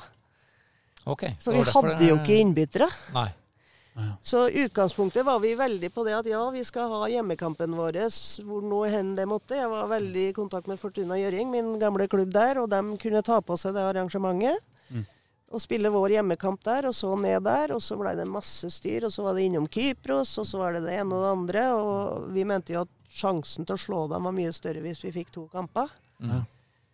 Men når du ikke har en eneste innbytter, og du ikke har fått trent, da tenkte vi at da smeller det kanskje litt der òg. Og da gikk vi med på én kamp til slutt, da. Og det var eh, Brøndby eh, hadde ikke økonomi til å dra til Kypros. Det kosta jo skjorta òg. Så nei, når du skal gjøre det største du kan, liksom spille Champions League, og så får du ikke forberede deg, det var eh, deprimerende. Ja. Men samtidig så gjør vi jo en veldig god kamp, og vi burde jo ha vunnet den. Burde jo lett ha Ja. vunnet den, Det var det beste laget. Ja, overlegent. Så det var egentlig et sabla surt tap. Mm. Men sånn var det. Men følte Så var det rett hjem i karantene, og Ja, treneren til Sverige. Men, ja, nettopp. Men dette var da per definisjon eh, anonym bane, da, for dette var jo hjemmebanen til herrelaget til Brennby, da. Nøytral. Nøytral altså. Ja. Anonym. Ja. Ja. Nøytral bane. Ja. Men det oppleves kanskje ikke sånt. Nei, det er ikke Nei. det. Og, og ikke var det noe spesielt bra for oss der, for de hadde jo garderober, og vi skifta på en skole langt unna og måtte gå. Det var bare tull. Så jeg tror jeg fortrenger den kampen og forbereder meg til neste, rett og slett. Opplevde dere det som at, liksom, eh, at dere blei litt lurt der? Vi opplevde nok det at uh, Brøndby utnytta situasjonen til sin fordel, ja. Ja. Det kan jeg si. Da, da de reiste til Norge, så var det egentlig for å presse fram en utsettelse, mener du? Jeg er veldig usikker på det, for vi vi må jo ta med i betraktningen at de hadde korona. Så de hadde nok en vanskelig situasjon, dem òg. Mm. Men jeg følte ikke at uh, Det ble ikke helt fair, det der. Det må jeg si. Nei. Men de hadde helt sikkert sine grunner, dem òg, så vi kan ikke bruke mer energi på det. Men det skjer ikke en gang til, det der, altså. Det gjør ikke. Hva gjør du da? Nei, da blir det kamp. Var, var dere for snille etter, etter, etter tid? Eh, Vi var egentlig bundet på hender og føtter. Ja. Så vi hadde ikke noe valg. Eh, For vi hadde døgnet rundt-møter for å prøve å ordne dette. Og det var charterfly, og det var eh, Kypros og charterfly dit, og det er jo dobbelt så langt, og det var alt sammen. Så vi eh, For det var vel eneste kampen i 16-finalen som, som ble avgjort etter én kamp. Ja. Ja. Eneste som ble utsatt da. Ja. Men det er jo litt sånn restriksjoner restriksjonene er i Norge, da, Ja. som gjør det spesielt. Mm. Og at Uefa-protokollen ikke gjelder. Mm. For den gjelder jo i alle andre land. Ja, ikke sant. Så eh, vi sliter Mm. med Ja. det. Så det ble feige lag. Feige lag. Ja. Eh, vi- vi- mm, Nå har vi snakka ganske lenge allerede, eh, og du har jo en skole å komme deg tilbake til. Men hvis du har tid fortsatt, så har jeg noen eh, spørsmål til jeg må fyre av. Ja. Eh, hvordan reagerte Rikke Madsen da du ga henne beskjed om at hun ikke fikk spille spiss? Rikke er fantastisk jente. Og egentlig så var hun så sint som en furie. Men det lot hun ikke avsløre til noen spillere, men hun kom til meg. Og så spurte hun hvorfor. Hvorfor faen spyr spyr? og så forklarte jeg det. Mm. Og så var det greit. Og så gikk hun ut og var solstrålende som hun alltid er. Så det var fantastisk, egentlig. Egentlig. Ja. Men du fikk, du fikk hårføneren? Nei, det vil jeg ikke si. Nei. Nei, jeg gjorde ikke det. Men hun stilte spørsmål. Ville ha en forklaring, og det fikk hun. Um, Det er ikke den verste hårfødderen, nei. Nå, nei, nei, nei. Det har vært mange verre enn det. hvem er den verste hårføneren? Nei, det må, da må jeg tenke meg om. Den beste meldinga å få noen gang, det kan jeg også fortelle på tampen her. og sikkert ikke om det. Vi spilte mot uh, den gang Setskog Høland oppe Ja. på Høland. Og vi var stein dårlige. Det var masker. Mm. Og jeg sto Jeg måtte gå på utsida av gjerdet. til slutt. Eller jeg sto ved gjerdet, da, ikke på benken. Og jeg sto og sparka i det der, for jeg var så forbanna. Mm. Og så hører jeg to av de gamle klappstolekarene bak meg. Mm. Tenk deg å være gift med hun der, ja. da skjønte jeg at nå kan du roe deg ned litt. grann. Så jeg fikk med meg den. Ja. Det kommer eh, av fra levra. så- Sånne sammenhenger. Det gjorde det. uh, uh, Apropos Her ropes det på trening. Uh, Isabel Herlofsen Ja. eh, er eh, også en, en, en situasjon som mange lurer på. Hva, hva skjedde da hun forsvant fra klubben, egentlig? Ja, det er jo en lengre historie, det. På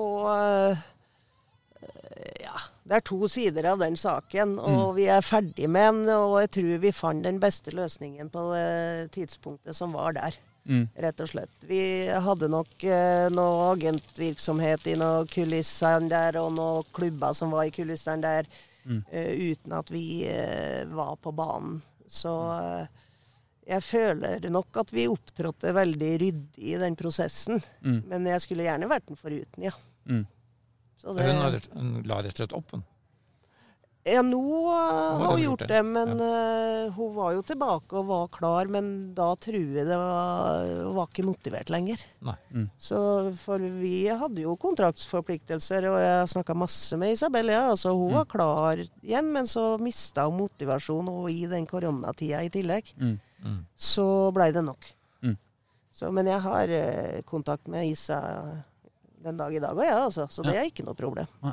Ikke helt annet. tatt. Det Men liksom det sånn- blåste litt en periode der. Ja, det gjorde jo det.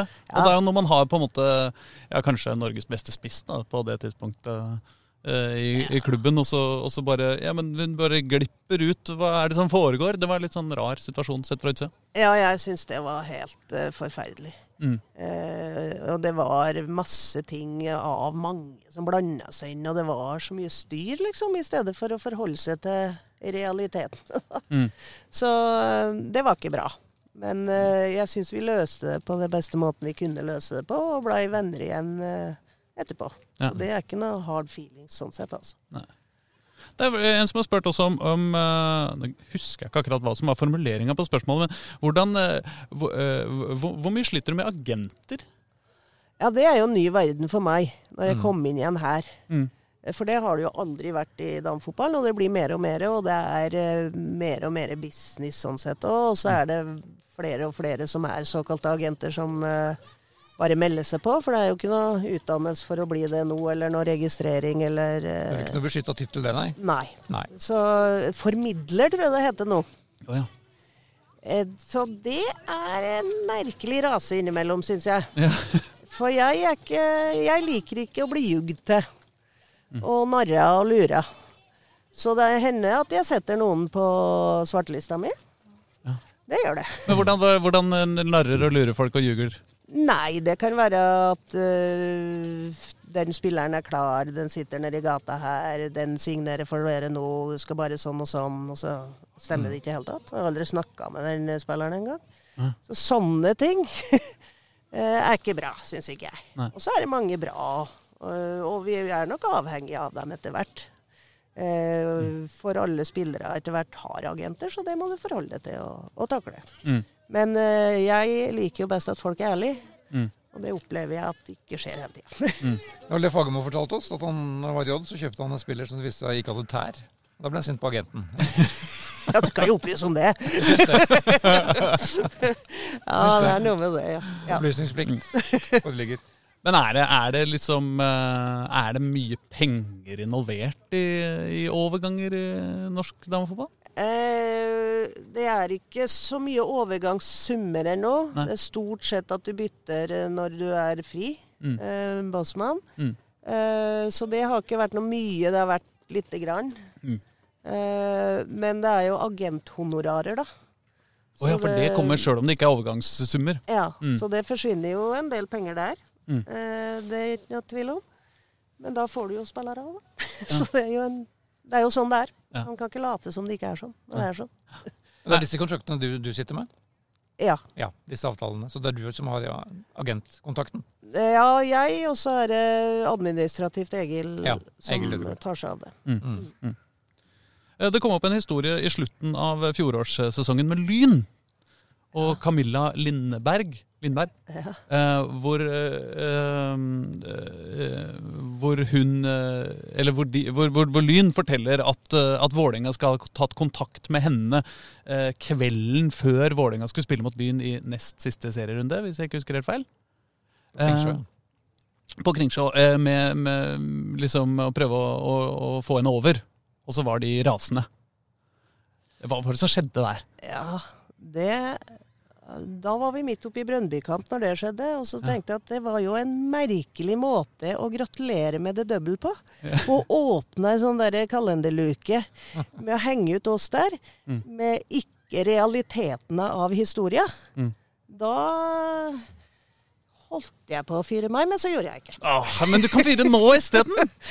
Nei, altså det da, reelt som var i den saken der, Mm. eh, det er at vi skrev brev på Camilla Lindberg, for vi ønska henne til klubben. Skrev brev. Altså, Ja, du må skrive til klubben og si at du Ja. ønsker kontakt, og spørre om eh, kontraktsforholdet. Ja. Og da får vi til svar at uh, hun er under kontrakt. Mm. Eh, og da har du jo ikke lov til å snakke med folk hvis du ikke får lov. Mm.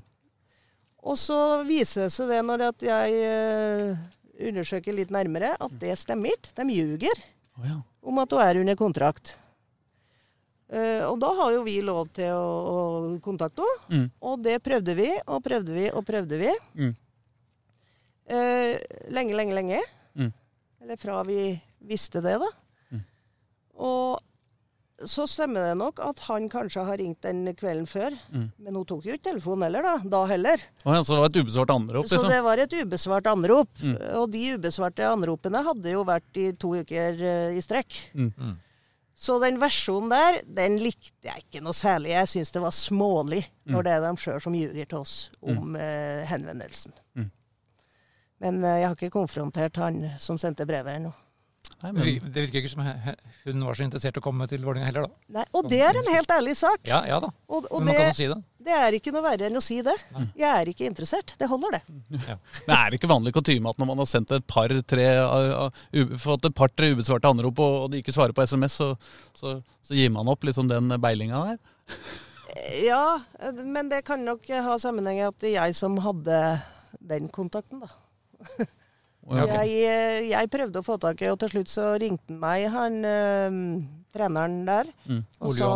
Ja, og, og fortalte at øh, dere trenger ikke å kontakte lenger, fordi at øh, hun har skrevet under for Lillestrøm. Ikke sant? Mm.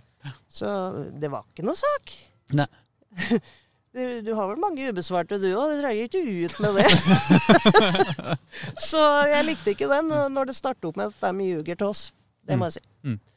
Og jeg, har du vunnet double, så får du bry deg om det, og ikke et ubesvart anrop.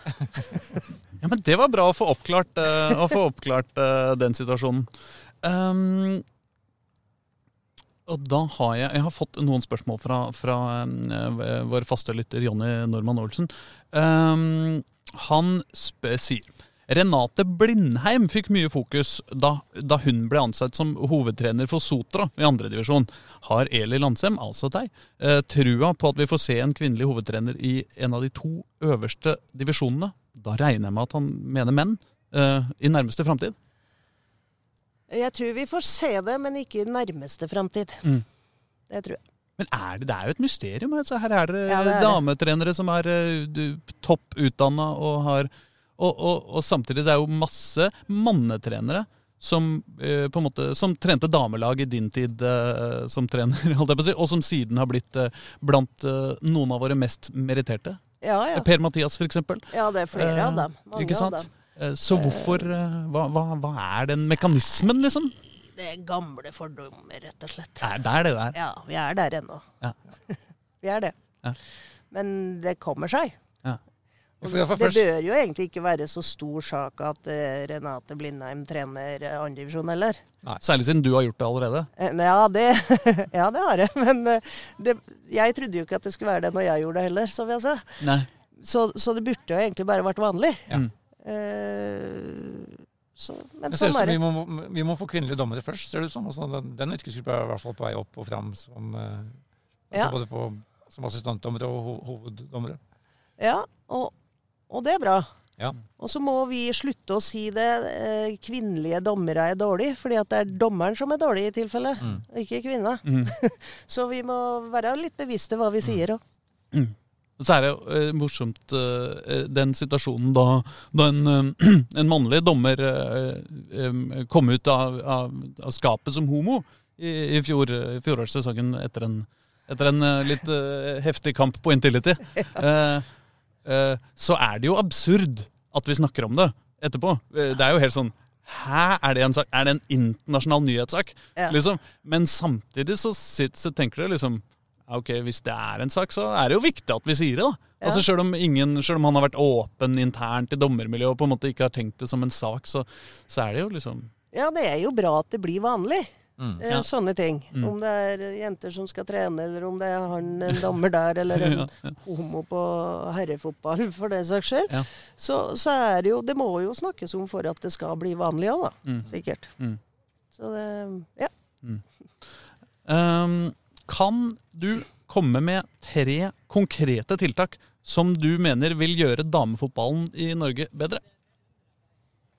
Jeg har sittet mye og tenkt på hva- Hvorfor kan ikke vi bli verdens beste lag? Mm.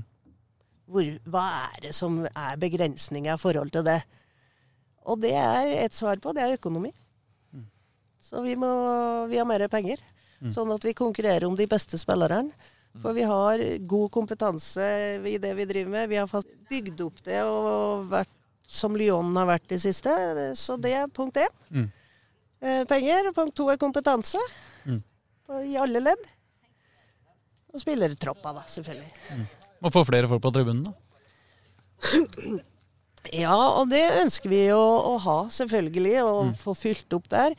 Eh, men uh, i hvert fall når du begynner å komme opp i så mye penger som på herresida, kanskje, så er det jo ikke uh, tilskuerinntekter som løfter det mange millioner. Nei da, men det henger jo altså Eh, ja, TV og, og tilskuere, kanskje? og det er mye lettere Så jeg tror nok TV-avtaler er det som er, og kanskje Champions League etter hvert. da. Mm. Ja. TV er jo den 70% av inntektene i Ja. altså TV og marked. Ja. Og så er Sky Sports og BBC gikk en engelsk kvinnefotball i går. Ja. Skrevet en tre- eller fireårsavtale Ja. der.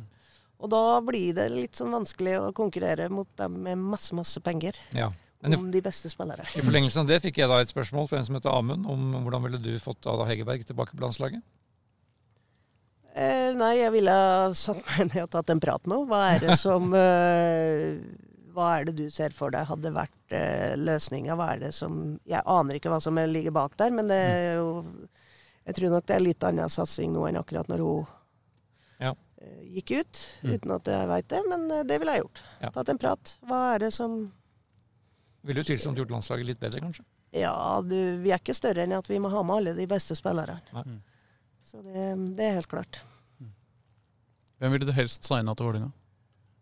Hvis du fikk velge. På øverste hylle Mm. Jeg ville ha hatt eh, Graham Hansen. Mm. Mm. Det ville jeg hatt. Fortet til Lyn, altså kanskje vanskelig. Jeg hater jo Vålerenga. Ja, det er det, altså. Akkurat hun tror jeg ikke kommer på en sånn uh, rebound Uh, eh, verre enn Camilla Lindberg. Alle svelger kameler og Money Talks og Tror du virkelig at uh, penga du kan dra i bordet, kommer til å tåke for uh, Camilla Gram, nei, for Gram Hansen etter, at, uh, etter en lang utenlandskarriere? Nei. Men det er lov å ønske seg. Ja, ja. absolutt. det som var spørsmålet. Ja, det var det. Nei, men Da begynner blokka mi å være tom. Jeg vet ikke hvordan det ser ut på din, eh, Reidar. Jo, nei, nei, nei, nå er jeg i mål her. Bare lurer på noe eh, rent hva som skjer daglig nå. Og så er de i gang på treningsfeltet.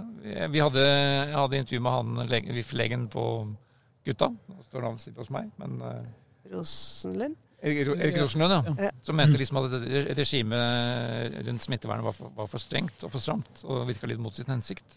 Men er dere på feltet nå? Kort Vi er på feltet, Ja. vi trener. eh, Det er det vi har lov til. Ja. Så de, eh, vi har alle spillemøter og alt sånt på Teams. Så sitter de hjemme og har det. Ja. Og så kommer de med munnbind og alt, og styrter ut på feltet og trener. Mm. Og så styrter de hjem igjen etterpå. Har dere folk nok til å spille internkamper?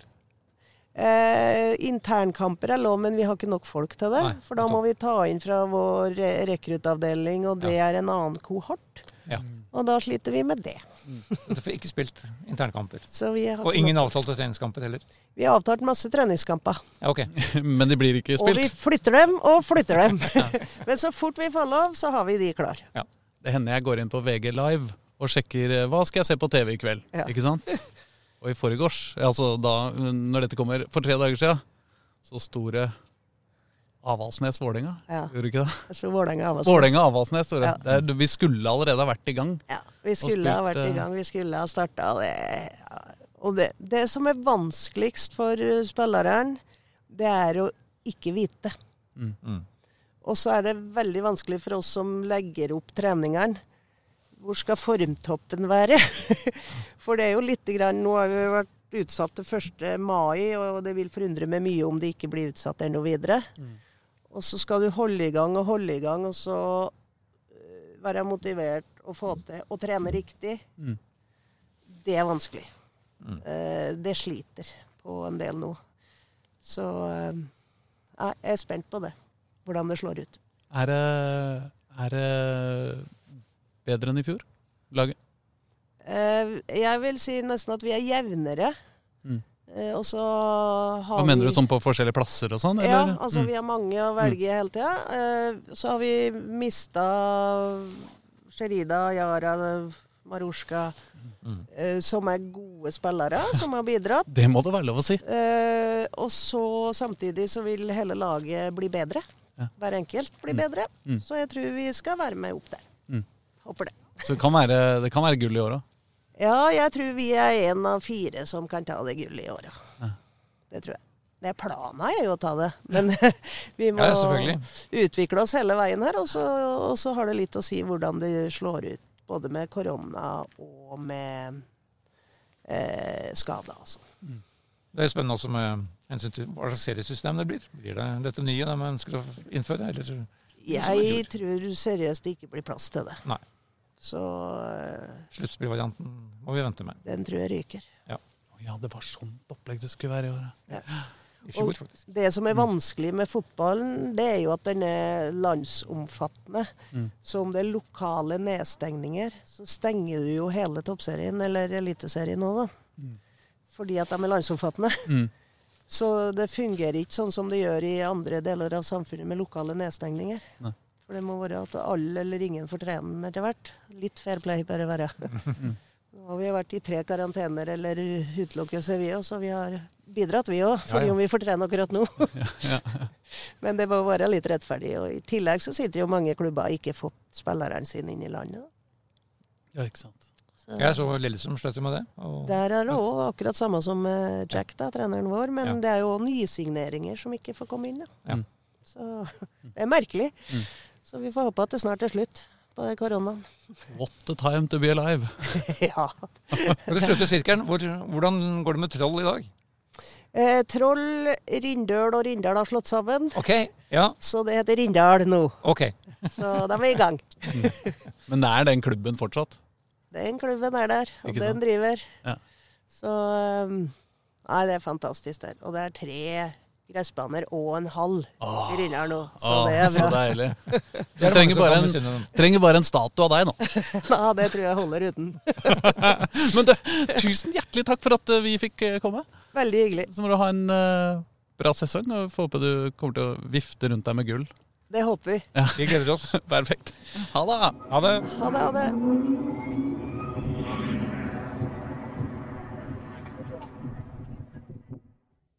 Hei! Bare en liten melding helt til slutt. Tidligere i dette intervjuet beskylder Eli Landsem Lyn for løgn angående kontraktsforholdet til Camilla Lindberg da VIF tok kontakt med Lyn om en mulig overgang for Lyns toppskårer. Daværende Lyn-trener Ole Johan Aas førte samtalene på vegne av Lyn og sier nå til Trikkeligaen at han og Eli Landsem hadde en lang prat der han opplevde at de la ballen dø. Han sier han ser at det kan ha vært en misforståelse om formuleringene rundt Lindbergs kontraktsforhold i mailkorrespondanse, men at dette ble oppklart i samtalen. Og sier Lindberg allerede hadde skrevet under for LSK Kvinner, noe han skal ha uttrykt i nevnte samtale, uten å nevne navnet på klubben hun hadde signert for. Det Lyn reagerte skarpt på, sier Aas, var at VIF-treneren Jack Maigård prøvde å ringe Camilla Lindberg kvelden før de to lagene skulle møtes på Kringsjå. Det opplevde Lyn som høyst uprofesjonelt og etisk betenkelig. Lyn vant for øvrig kampen 3-2 og utsatte VIFs seriegull, samtidig som de selv berga plassen. Og da er vi ferdig for i dag. Du har hørt en podkast fra Dagsavisen. Ansvarlig redaktør heter Andreas Heen Haaland Karlsen.